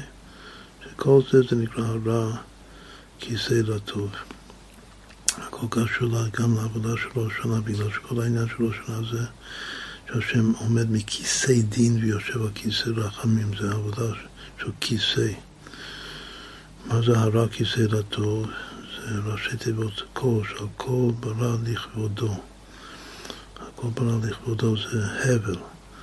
גם ההבל של העולם הזה, וגם השקר של העולם הזה. שקר החן והבל היופי. הכל מכל כל ברא לכבודו, גם הקליפות. אז בסוף הכל יתעלה בסוד שהכל נהיה בדברו. הרע כיסא לטוב. ולכן כשיתקע בשופר גדול ותושלם הכוונה שבשבילה נבראה ארץ אשור וארץ מצרים, אז תהיה עלייה גם בהם. עכשיו זה הדרך המתקה, שמה שהעובדים והנידחים יצאו משם, זה נקרא שיבדלו משם ויחזרו לירושלים, זה ההבדלה. אבל מה שהם בעצמם יתעלו, זה, זה כבר המתקה. והכל מתחיל מתכלית ההכנעה, שזה המצר, עד שנעשים שם עובדים ונידחים ממש.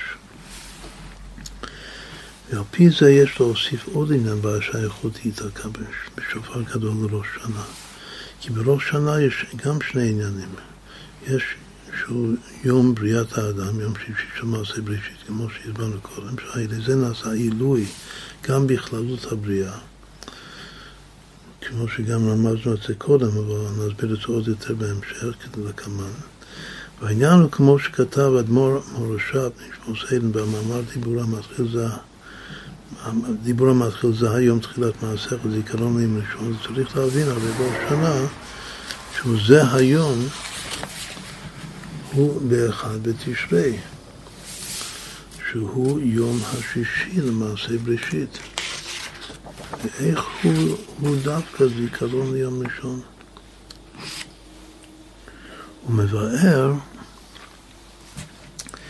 והרצון לבריאת העולם הוא חיצוניות הרצון. זה שהשם רוצה לברוא עולם, עולם כפי שהוא, עולם לשון העלם והסתר האלוקות. אז הרצון לעולם הוא חיצוניות הרצון של השם. בלשון הקבלה רצון זה אריך, אז ההמשכה מחיצוניות האריך, שיחסית חיצוניות הפנימיות זה זת לעומת גר. אז חיצוניות האריך זה זת דאריך, וזת האריך זה, זה השורש של ששת ימי בראשית. של בריאת העולם. אבל פנימיות הרצון, שזה זה הגל של האריך, זה נמשך דווקא בישראל. ושני עניינים האלה בזמני השנה הם גם קו הידוע, שזה בריאת העולם, זה חיצוניות הרצון, ובראש שנה, שזה א' תשרי, שזה בריאת האדם, ואתם קרואים אדם, ישראל, קוראים אדם, ולא אומות העולם קוראים אדם, וזה בראש שנה.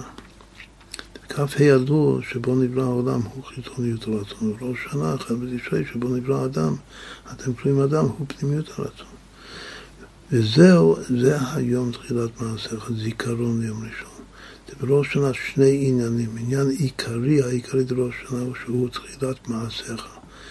שמה זה תחילת מעשיך? זה אמרנו קודם שזה אור אין סוף, אין לו סוף, אבל יש לו תחילה. מתחילה במעשיך, שזה המעשה העצמי שלך, שזה המשכת, כאן מעשה זה המשכה, וזה איזה עם שזה מעשיך, זה להמשיך את העצמות אור אין סוף, שלמעלה לגמרי מרצון העולמות. שזה חיצוניות הרצון. ולהמשיך את זה על ידי עבודת האדם, שנברא מתוך פנימיות הרצון, כמו שהסבר הרגע. ועוד עניין בראש שנה, שהוא זיכרון ליום ראשון. שחוץ מזה שהוא תחילת מעשיך, אז הוא גם זיכרון ליום ראשון מהכוונה, זה, זה כבר, זה הולך על, על, ראש, על ראש שנה, לא, לא חוזר דווקא לכ"ה באלול. שהמשכת עצמות הארצות נמשכת גם דווקא כשהאדם נברא, אז זה נמשך גם כן לבריאת העולמות, כמו התיקון של ארץ, אשור בארץ מצרים שהסברנו קודם. אז ההמשכה שנמשך על ידי האדם, שזה שתחילת מעשה, שזה המשכה מעצמות אור אינסוף, זה, זה נמשך, כלומר זה ממשיך להימשך גם בתוך הרצון של בריאת העולמות, שזה חיתוניות הרצון, ועל ידי זה זה נמשך בתוך העולם ממש, בתוך העולם, ה... גם העולם התחתון, תחתון למטה ממנו, העולם גשמי ממש, העולם הזה, עולם השקר, העולם הזה שקרה. אז גם נמשך עצמות עול אינסוף, זה הופך את הרע, רע זה לשון תחתון, כמו שהרב המגיד מסביר, לשון מילה רע. זה הופך את זה להיות כיסא לטוב, שזה, מה זה הכיסא? כיסא זה כוח להרים, שהוא מרים את הטוב למדרגה עוד יותר נעלית מאשר היה הטוב בתחילה, שזה הבחינה של ירידת צורך עלייה שהזמנו. ועל פי זה השייכות היא דקה שופר גדול לראש שנה, היא בשני העניינים שבו. המשכת הגילוי לשופר גדול לישראל שייכת לתחילת מעשיך, שזה המשכה מעצמות אינסוף. אבל העילוי שהיה לזה בארץ אשור בארץ מצרים, זה שייך לזיכרון ליום ראשון. אז לכאורה המדרגה היותר גבוהה זה תחילת מעשיך, זה שייך לישראל. אבל אמרנו שדווקא הזיכרון ליום ראשון, שזה לגלות את הרע לטוב, ולהמתיק את הקליפות, להפוך את הקליפות, ההתהפכה של ארץ אשור מצרים גופה. לא כותב כאן בפירוש, אבל ההתהפכה זה גם נקרא מחדו ארץ ישראל, שזה הופך אותם לארץ ישראל. אז, אה, אז יש בזה חידוש. אפילו יותר, שזה המתקה, מה שאמרנו קודם, שרק להוציא את, ה, את הנידחים, העובדים והנידחים זה הבדלה, אבל התיקון של ארץ אשור וארץ מצרים גופה, לעשות מהם ארץ ישראל, זה, זו בחינת המתקה. ויש פה הערה שכדאי שנקרא את זה הערה חמישים, כותב שלא בספר המאמרים מלוכד חולו, אלא שהביאור שם הוא לתחילת מעשה קריאה לאדם. כאן הוא מסביר שהתחלת מעשיך זה המשכת עצמות אור אינסוף על ידי עבודת האדם. שזה קצת מפולפל, כאילו מסורבל יחסית. אבל שמה הוא מסביר בפשטות שתחילת מעשיך זה האדם בעצמו. וזיכרון ליום ראשון זה הולך על כללות הבריאה, כלומר שזה הרבה יותר חלק. אז כדאי, אבל כמובן שלא סותר כאן, כאן זה יותר עמוק. אבל שמה זה קרוב, אבל זה לא אותו הדבר, ושם זה יותר פשוט. אז כדאי שנסתכל שם גם כן לקרוא את ה... רק שנראה עוד מבט על זה היום, תחילת מעשיך, זיכרון ליום ראשון. אני קורא שמה מ... יבחר לנו את נחלתנו תשכ"ג, עוד ו'. והנה ידוע שבראש שנה שני עניינים. עיקר עניין ראש שנה, שזה א' בתשרי הוא שביום זה נברא האדם. ובכל שנה, ביום זה מתחדש העניין לבריאת האדם. זה נזכרים ונעשים. שמי זה האדם? זה ישראל, אתם קוראים אדם. זה עניין אחד. ועוד עניין בראש שנה, לכיוון שהאדם הוא תכלית הבריאה, זאת הפסקה, השיא של הבריאה, של ששת ימי בראשית, לכן בכל שנה, ביום בריאת האדם, מתחדשת גם כללות הבריאה שנבראה בכ"ה באלו. זה קשור למה איך שהזמנו קודם, ש... על ידי האדם אז הכל מתאמץ, כמו שהוא נותן שימות, ממשיך מהשורש, מגלה את השורש בכל דבר, אז בעצם כל המציאות עוברת אה, שינוי מוחלט, שינוי עצמי.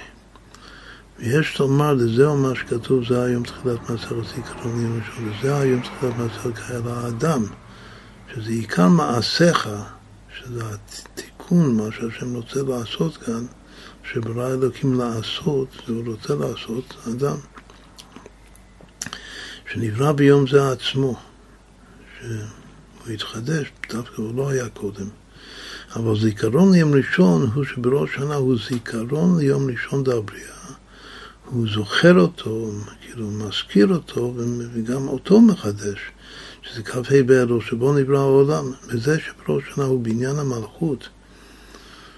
עכשיו ידוע שהכוונה הכללית של ראש שנה זה בניין מלכות השם, שהתגלה והיה השם למלך על כל הארץ וכו'. אז גם הוא בישור, הבניין המלכות של ראש שנה הוא בישור שני העניינים האלה. הסברנו קודם שזה כמו הבדלה והמתקה. בכדי שעל ידי המלכות יתהוו העולמות מחדש, לא מספיק איך שיתהוו בכ"ה באלו, צריך עכשיו, בראש שנה, שכל העולמות יתהוו מחדש. ועיקר עניין בניין המלכות הוא בשביל תולדת, תולדת הנשמות, שזה זה התכלית, זה בריאת האדם, שעל זה כתוב זה היום תחילת מעשר, נשמות ומלכות, כאן, כאן הוא אומר וורט יפה, שנשמות ישראל זה בעצם פנימיות המלכות, הם עניין אחד. כמובן גם מזה שהמלכות נקראת כנסת ישראל, זה גם הסוד של כלת משה, שזה דווקא הפנימיות, החיצוניות של המלכות זה עולמות. אבל הפנימיות של המלכות זה ישראל. אז גם כאן, כאשר רק הפנימיות מתקלה, כמה שזה הרבה יותר מהחיצוניות, זה עדיין, אה, אם זה רק זה, זה, זה עדיין הבדלה. אבל כאשר האור מגיע להפוך גם את החיצוניות, בזה חידוש. וגם תכלי של המתקה. אז זה, עד כאן קראנו אה, קטע מתוך uh, מאמר שהרבי אמר חמש שנים קודם, בראש השנה.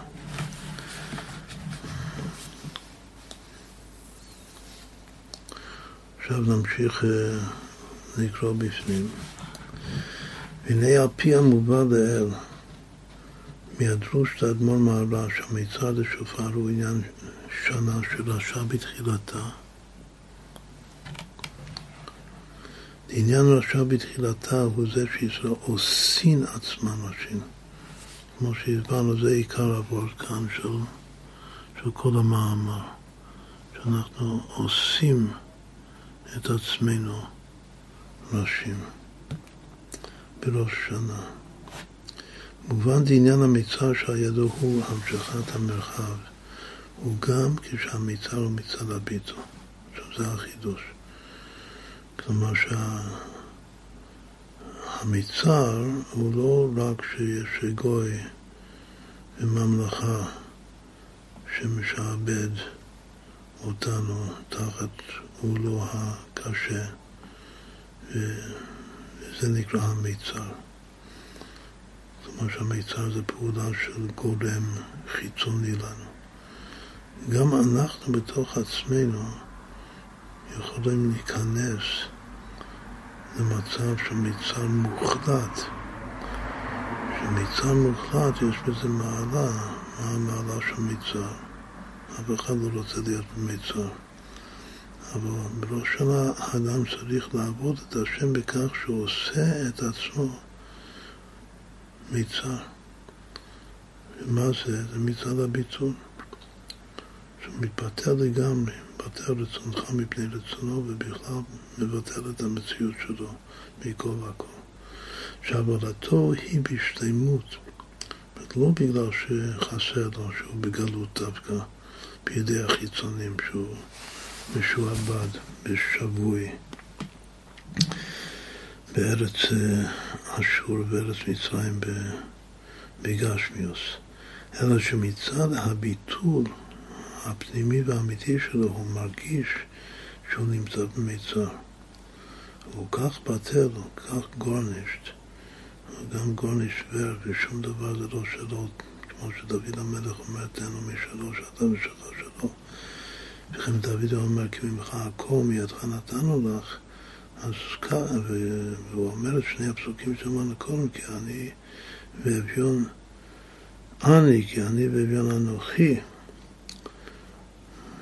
ידוע שהמילה אני גופה, או שבאני אביון. כלומר שבין בין אביון, 69, לבין אני 130, יש בדיוק 60, 61, שזה אני עם א'. אני אביון שווה אני. ואני פלוס אביון זה כבר צדקה, כמו שיסביר את זה בהמשך, שכל מה שהוא מקבל בחיים, הוא מקבל את זה דרך צדקה של הקודש ברוך הוא. אז ככה הוא, הוא, הוא עושה את עצמו במיצר. גם על ידי מיצר זה, אז זה גם כן, אבל פי שלכאורה אדם כן עשה משהו, הוא עשה את עצמו רעש, אז גם יש את המשכת ההמשכה של הנני במרחב כ, י"ק. אבל דרך זה הוא בנוגע גילוי לשופר גדול, אף על פי שאמרנו שופר גדול זאת מעצמו לגמרי. שאין בזה שום התעלות לדלתת הכלל, גם את זה ממשיכים, מעורבים על ידי כן העבודה שלנו, אבל איזה סוג עבודה? שהאדם עושה את עצמו רעש לחלוטין, הביטול במציאות ממש. נמשך על ידי מצד העובדים והנידחים, וגם כשעבודתו היא בשלמות, אלא שמתבונן שלגבי הרוממות אור אינסוף גם עבודה אמיתית לחטא יחשב. ידוע המשל של רבינו סעדי גאון, ש... ש... שכל יום ויום בחיים, קצת יותר מכיר את השם, אז כל מה שהיה לו אתמול, ועד עצם היום הזה, עד עצם הרגע הזה, זה הכל לא שווה כלום, הכל אפילו חטא, חטא זה חיסרון. זה לחטא יחשב כל מה שהוא עושה, אז באמת לית לי מגרמי כלום, הוא קורנשט. לכן כמו שראינו קודם במאמר השני, המלכות, פנימיות המלכות, שזה לית לה מגרמי כלום, דווקא הפנימיות מרגיש שאתה לית לי מגרמי כלום. לא החיצוניות. הפנימיות של המלכות זה כמו פנימיות הכלי, שפנימיות הכלי זה החלל, ככה כתוב בחסידות, במיוחד אצל הבייזק. החלל הריקן של הכלי שהוא מחזיק, אבל הוא כולו לט לי מגמי כלום. אז, אז זה לחטא ייחשב כל מה שהוא עשה בחיים, מה שהוא עושה מדי יום ביומו. לכן הוא מרגיש את עצמו לא עובד ונידח.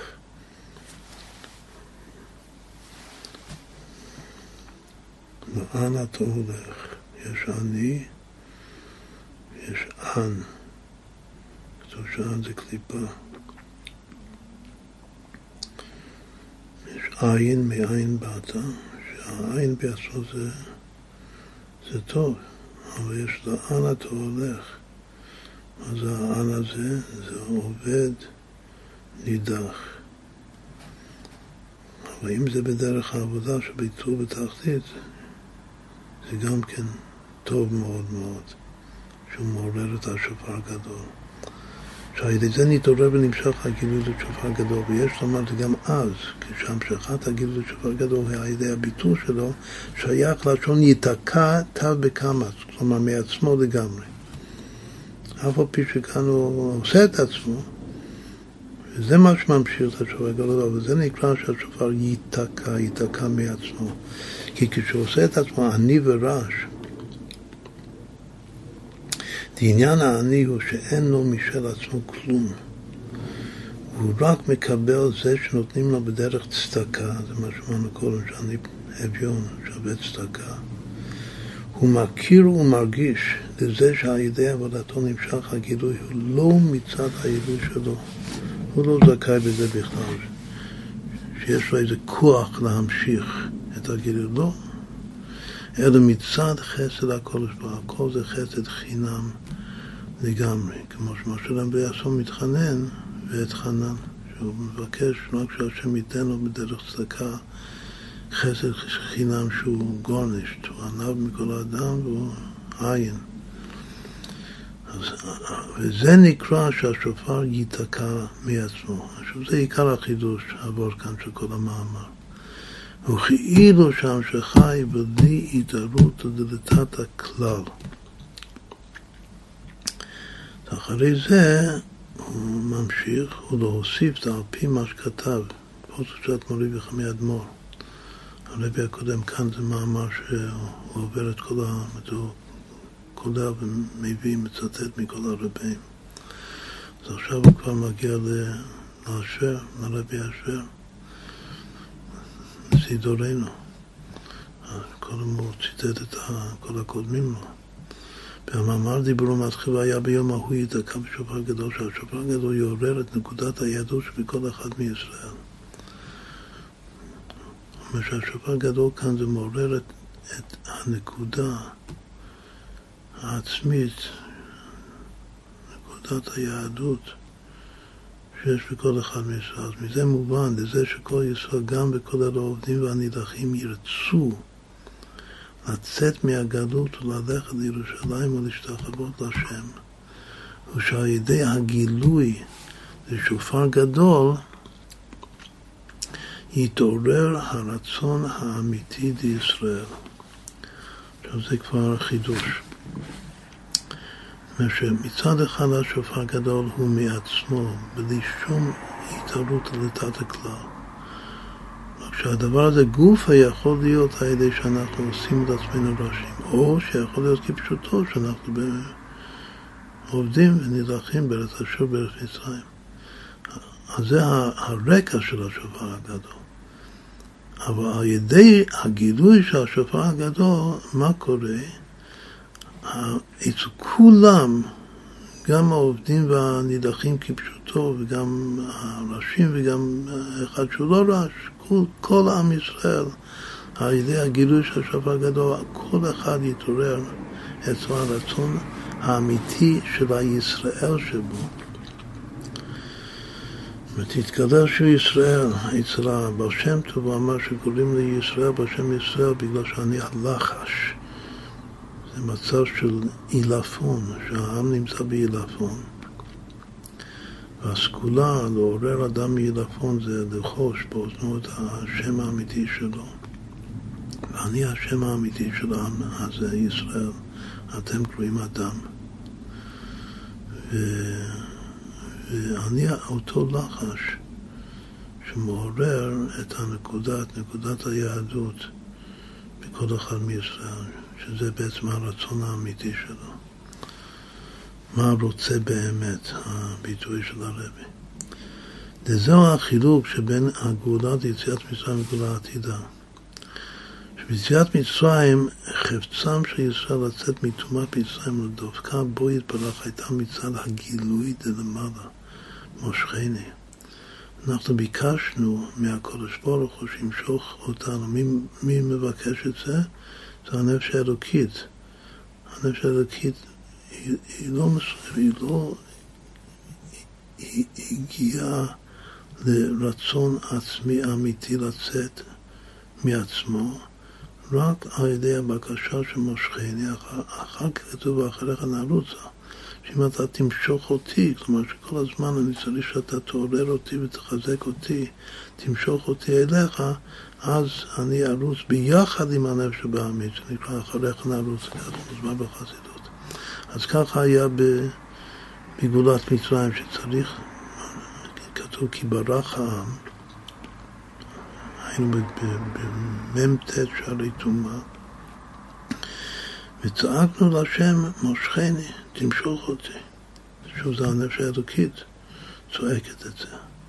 אבל מה יהיה בגאולה העתידה? אז זה כבר לא יהיה במנוסה. זה כבר יהיה מבחינה אחרת, כאשר אנחנו נגיע לרצון האמיתי שלנו לצאת מהגדות, אז, אז ככה זה יהיה. זה יהיה בבכי, כתוב במקום אחד שהבכי זה בכי של שמחה, אבל זה יהיה עם רצון עצמי שלנו. שוב, זה הבדל בוורד מאוד מאוד יפה. הרצון לצאת מהגלות לעבוד לירושלים יהיה הרצון די ישראל, כלומר שזה מתייחס אלינו, אז מצד אחד השופר הגדול לא מתייחס אלינו, הוא מעצמו לגמרי, אבל מה, ש, מה שהוא מעורר, הוא מעורר את כל יהודי בכל מצב באשר הוא שם, את, הר... את נקודת היהדות, שזה הרצון האמיתי שלו, לצאת מהגלות. ולבוא לירושלים, וישתחוו השם בהר הקודש בירושלים. והגילוי דלמעלה, שזה השופר הגדול, הוא רק סיבה.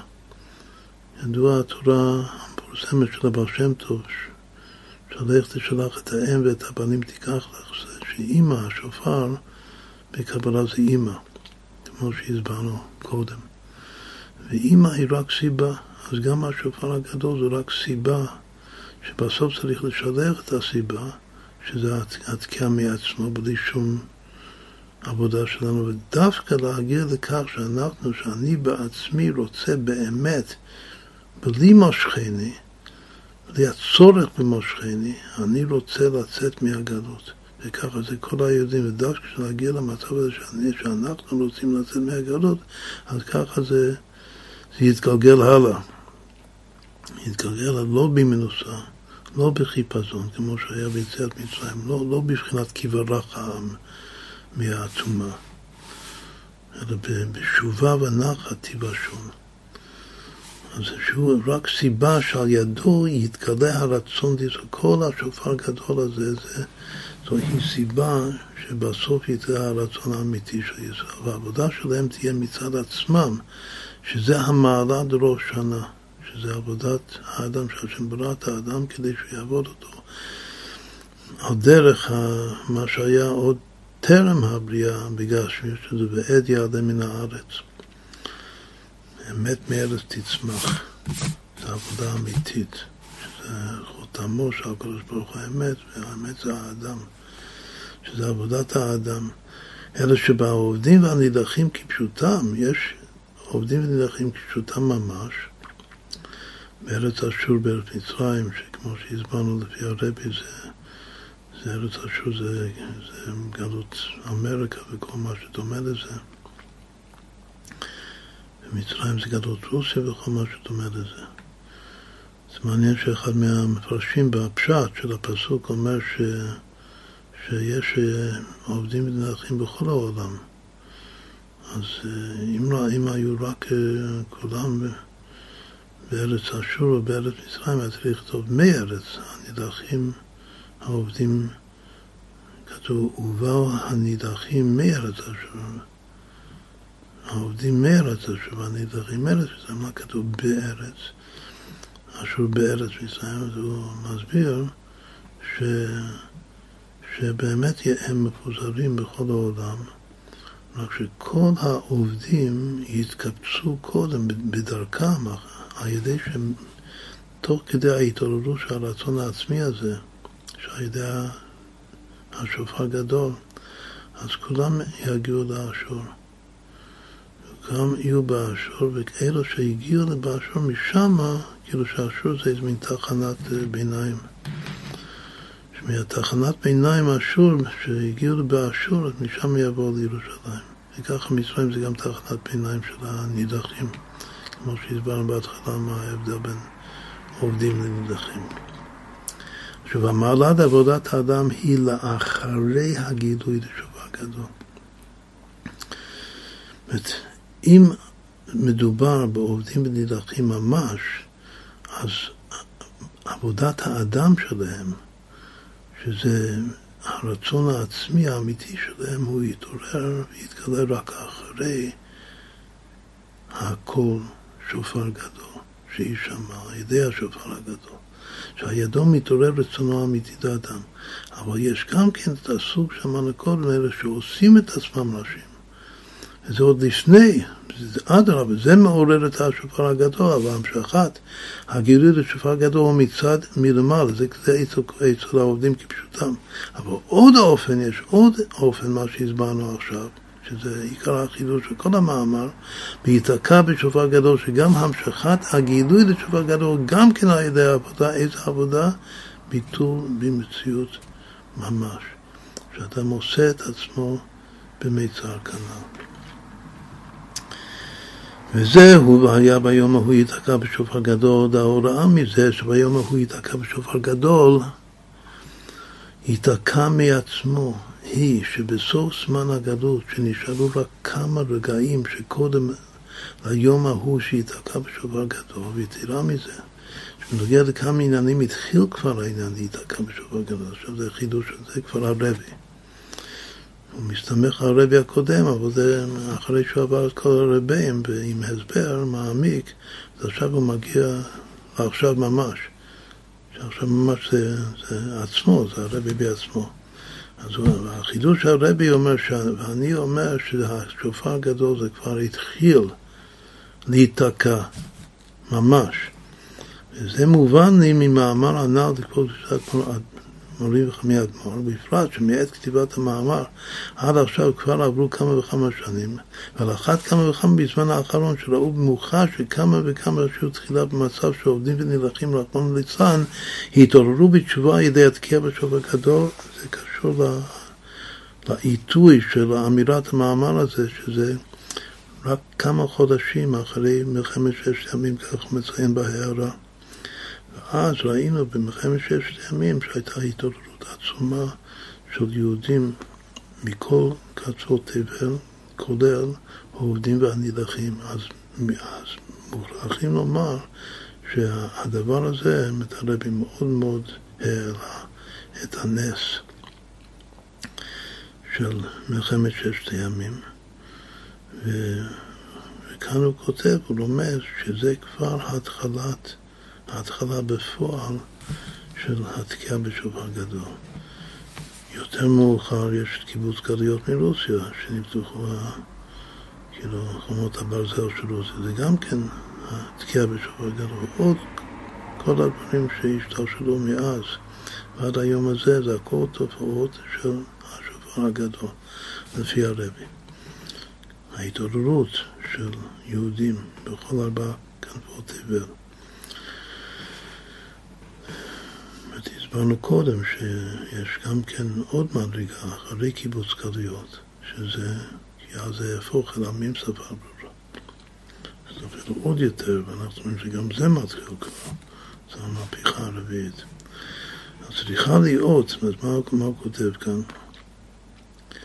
שבסוף זמן הגדול שנשארו רק כמה רגעים שקודם ליום ההוא שהתעקם בשבוע גדול, בסוגריים הוא כותב שזה כבר התחיל. אז צריכה להיות העבודה בביטול. העבודה שלנו זה להגיע לביטול. זה, זה שנה שרשע בתחילתה. ההכרה וההרגשה שכל העניינים שנפעלו על ידי עבודתו, הן בנוגע לעצמו והן בנוגע לזולתו, היא לא מצד המעלות שלו. זה מה שהרבי רוצה מאיתנו, שזה בעצם מה שכל הצדיקים מהבר שם טוב והלאה רוצים מאיתנו. שנכיר שזה לא אני, לא מצד המעלות שלו, אלא מצד הנתינת כוח מלמעלה.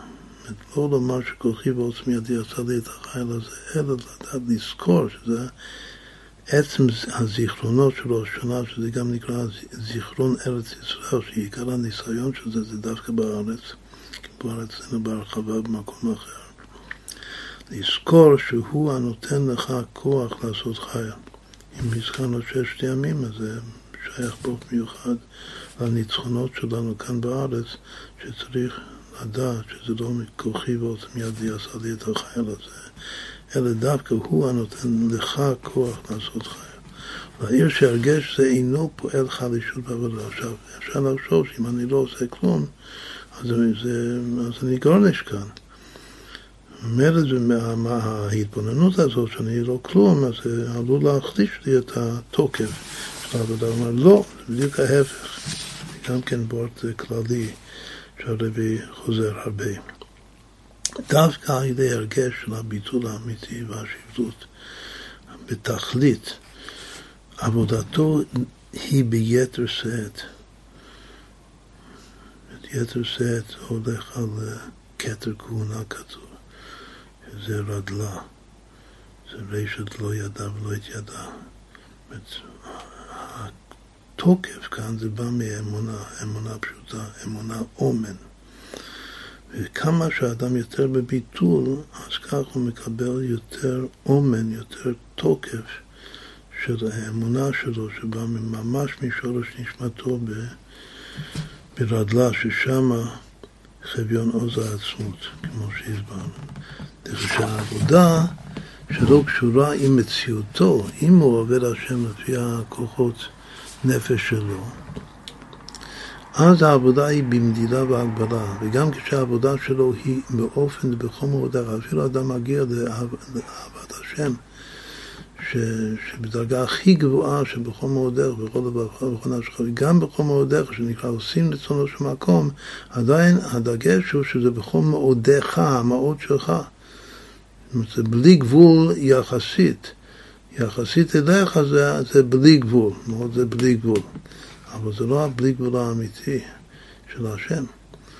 אבל על ידי הרגש שהעניינים שנעשים על ידי עבודתו הם לא מצד הכוחות שיש לו, אלא מצד האלוקות, אז הכל זה אך ורק אלוקות.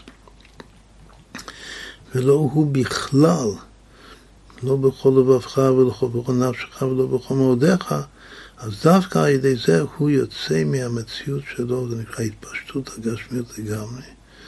שהדבקות האמיתית, שגם הסברנו בשיעור לפני כמה ימים, שזה כמו ניגון דבקות בראווה דרעבין, שזה פועל התפשטות הגעצמיות, יוצא מהמציאות וההגבלות שלו לגמרי, והעבודה שלו היא למעלה מבדידה והגבלה. הנה מבואר במאמר דיבור מתחיל והיה ביום ההוא ידקה בשופר גדול בעניין שופר דראש שנה. דגם שעיקר ההמשכה הוא על ידי הצעקה, לפנימיות הלב. מכל מקום צריך להיות התקיעה בשופר גשמים. דווקא אז כאן הנקודה האחרונה זה מתאים לרבי, שהמעשה הוא העיקר, עם כל הכוונות וכל העבודה וכל הביטול העצמי. בכל אופן צריך לקחת ביד שופר. כתוב, אדם ובהמה תושיע השם. צריך לקחת קרן של בהמה ולחבר אצל האדם, לעשות ייחוד מה הוא בן, שזה אדם ובהמה, שזה ביטול ושפלות. משה ודוד, כמבואר אצלנו באריכות בפרק בעבודת השם. וככה, בסוד, הכוונה של מהתאבל מה בן ביחד, שיש את התיקון שם אשתו מיטבל, בת מטרד, בת מי זהב, מטרד זה רשע בתחילתה, ומי זהב זה מתעשרת בסופה. את השנה היא מיטבל. וגם אז צריך לקחת את השופר הגשמי ביד הגשמית ולתקוע. וגם בכדי שהגילוי לפנימיות רצון העליון, שזה בחינת השופר דלמעלה, יומשך למטה בגשמיוס, אז צריך לעשות כלי בגשמיוס, שזה המצווה המעשית. שנתן לו מצוות מעשיות לעשות כלים, שהמשכות יהיו, יגיעו למטה מטה לתוך העולם שלנו, העולם הזה הגשמי. העולם התחתון שאין תחתון למטה ממנו. מזה מובן, וכמו כן הוא בנוגע לתקיעה, זה, זה לא רק השופר של ראש השנה, שופר סתם, זה גם התקיעה של השופר הגדול ביום ההוא, שאין מספיק העניינים שהיו עד עכשיו. והתקיעה בשופר גדול צריכה להיות באופן שכל ישראל, גם וכולל העובדים והנידחים יבואו וישתחוו, צריך להגיע לתכלס. לקחת את השופר ביד גשמי ושופר מבהמה גשמית. ולתקוע, אז זה התכלית של המצווה. והתכלית של הפסוק שלנו, והיה ביום ההוא, גם לא... לא דייקנו שפסוק מתחיל והיה של לשון שמחה וגם לשון מיד, כבר אצלנו באריכות, בהרבה מקומות, והתכלית של ה"והיה" הזה, והיה ביום ההוא, זה, זה השתחוו, להשם בהר הקודש בירושלים. זה התיקייה בפועל ממש, ההשתחווה הזאת, הביטול ממש, בגשמיוס. בירושלים כפשוטה, צריך להגיע לירושלים מהקודש כפשוטה. וזה יהיה על ידי משיח צדקנו שלחנו כמיות ארצנו בעגלה דידן בקרוב ממש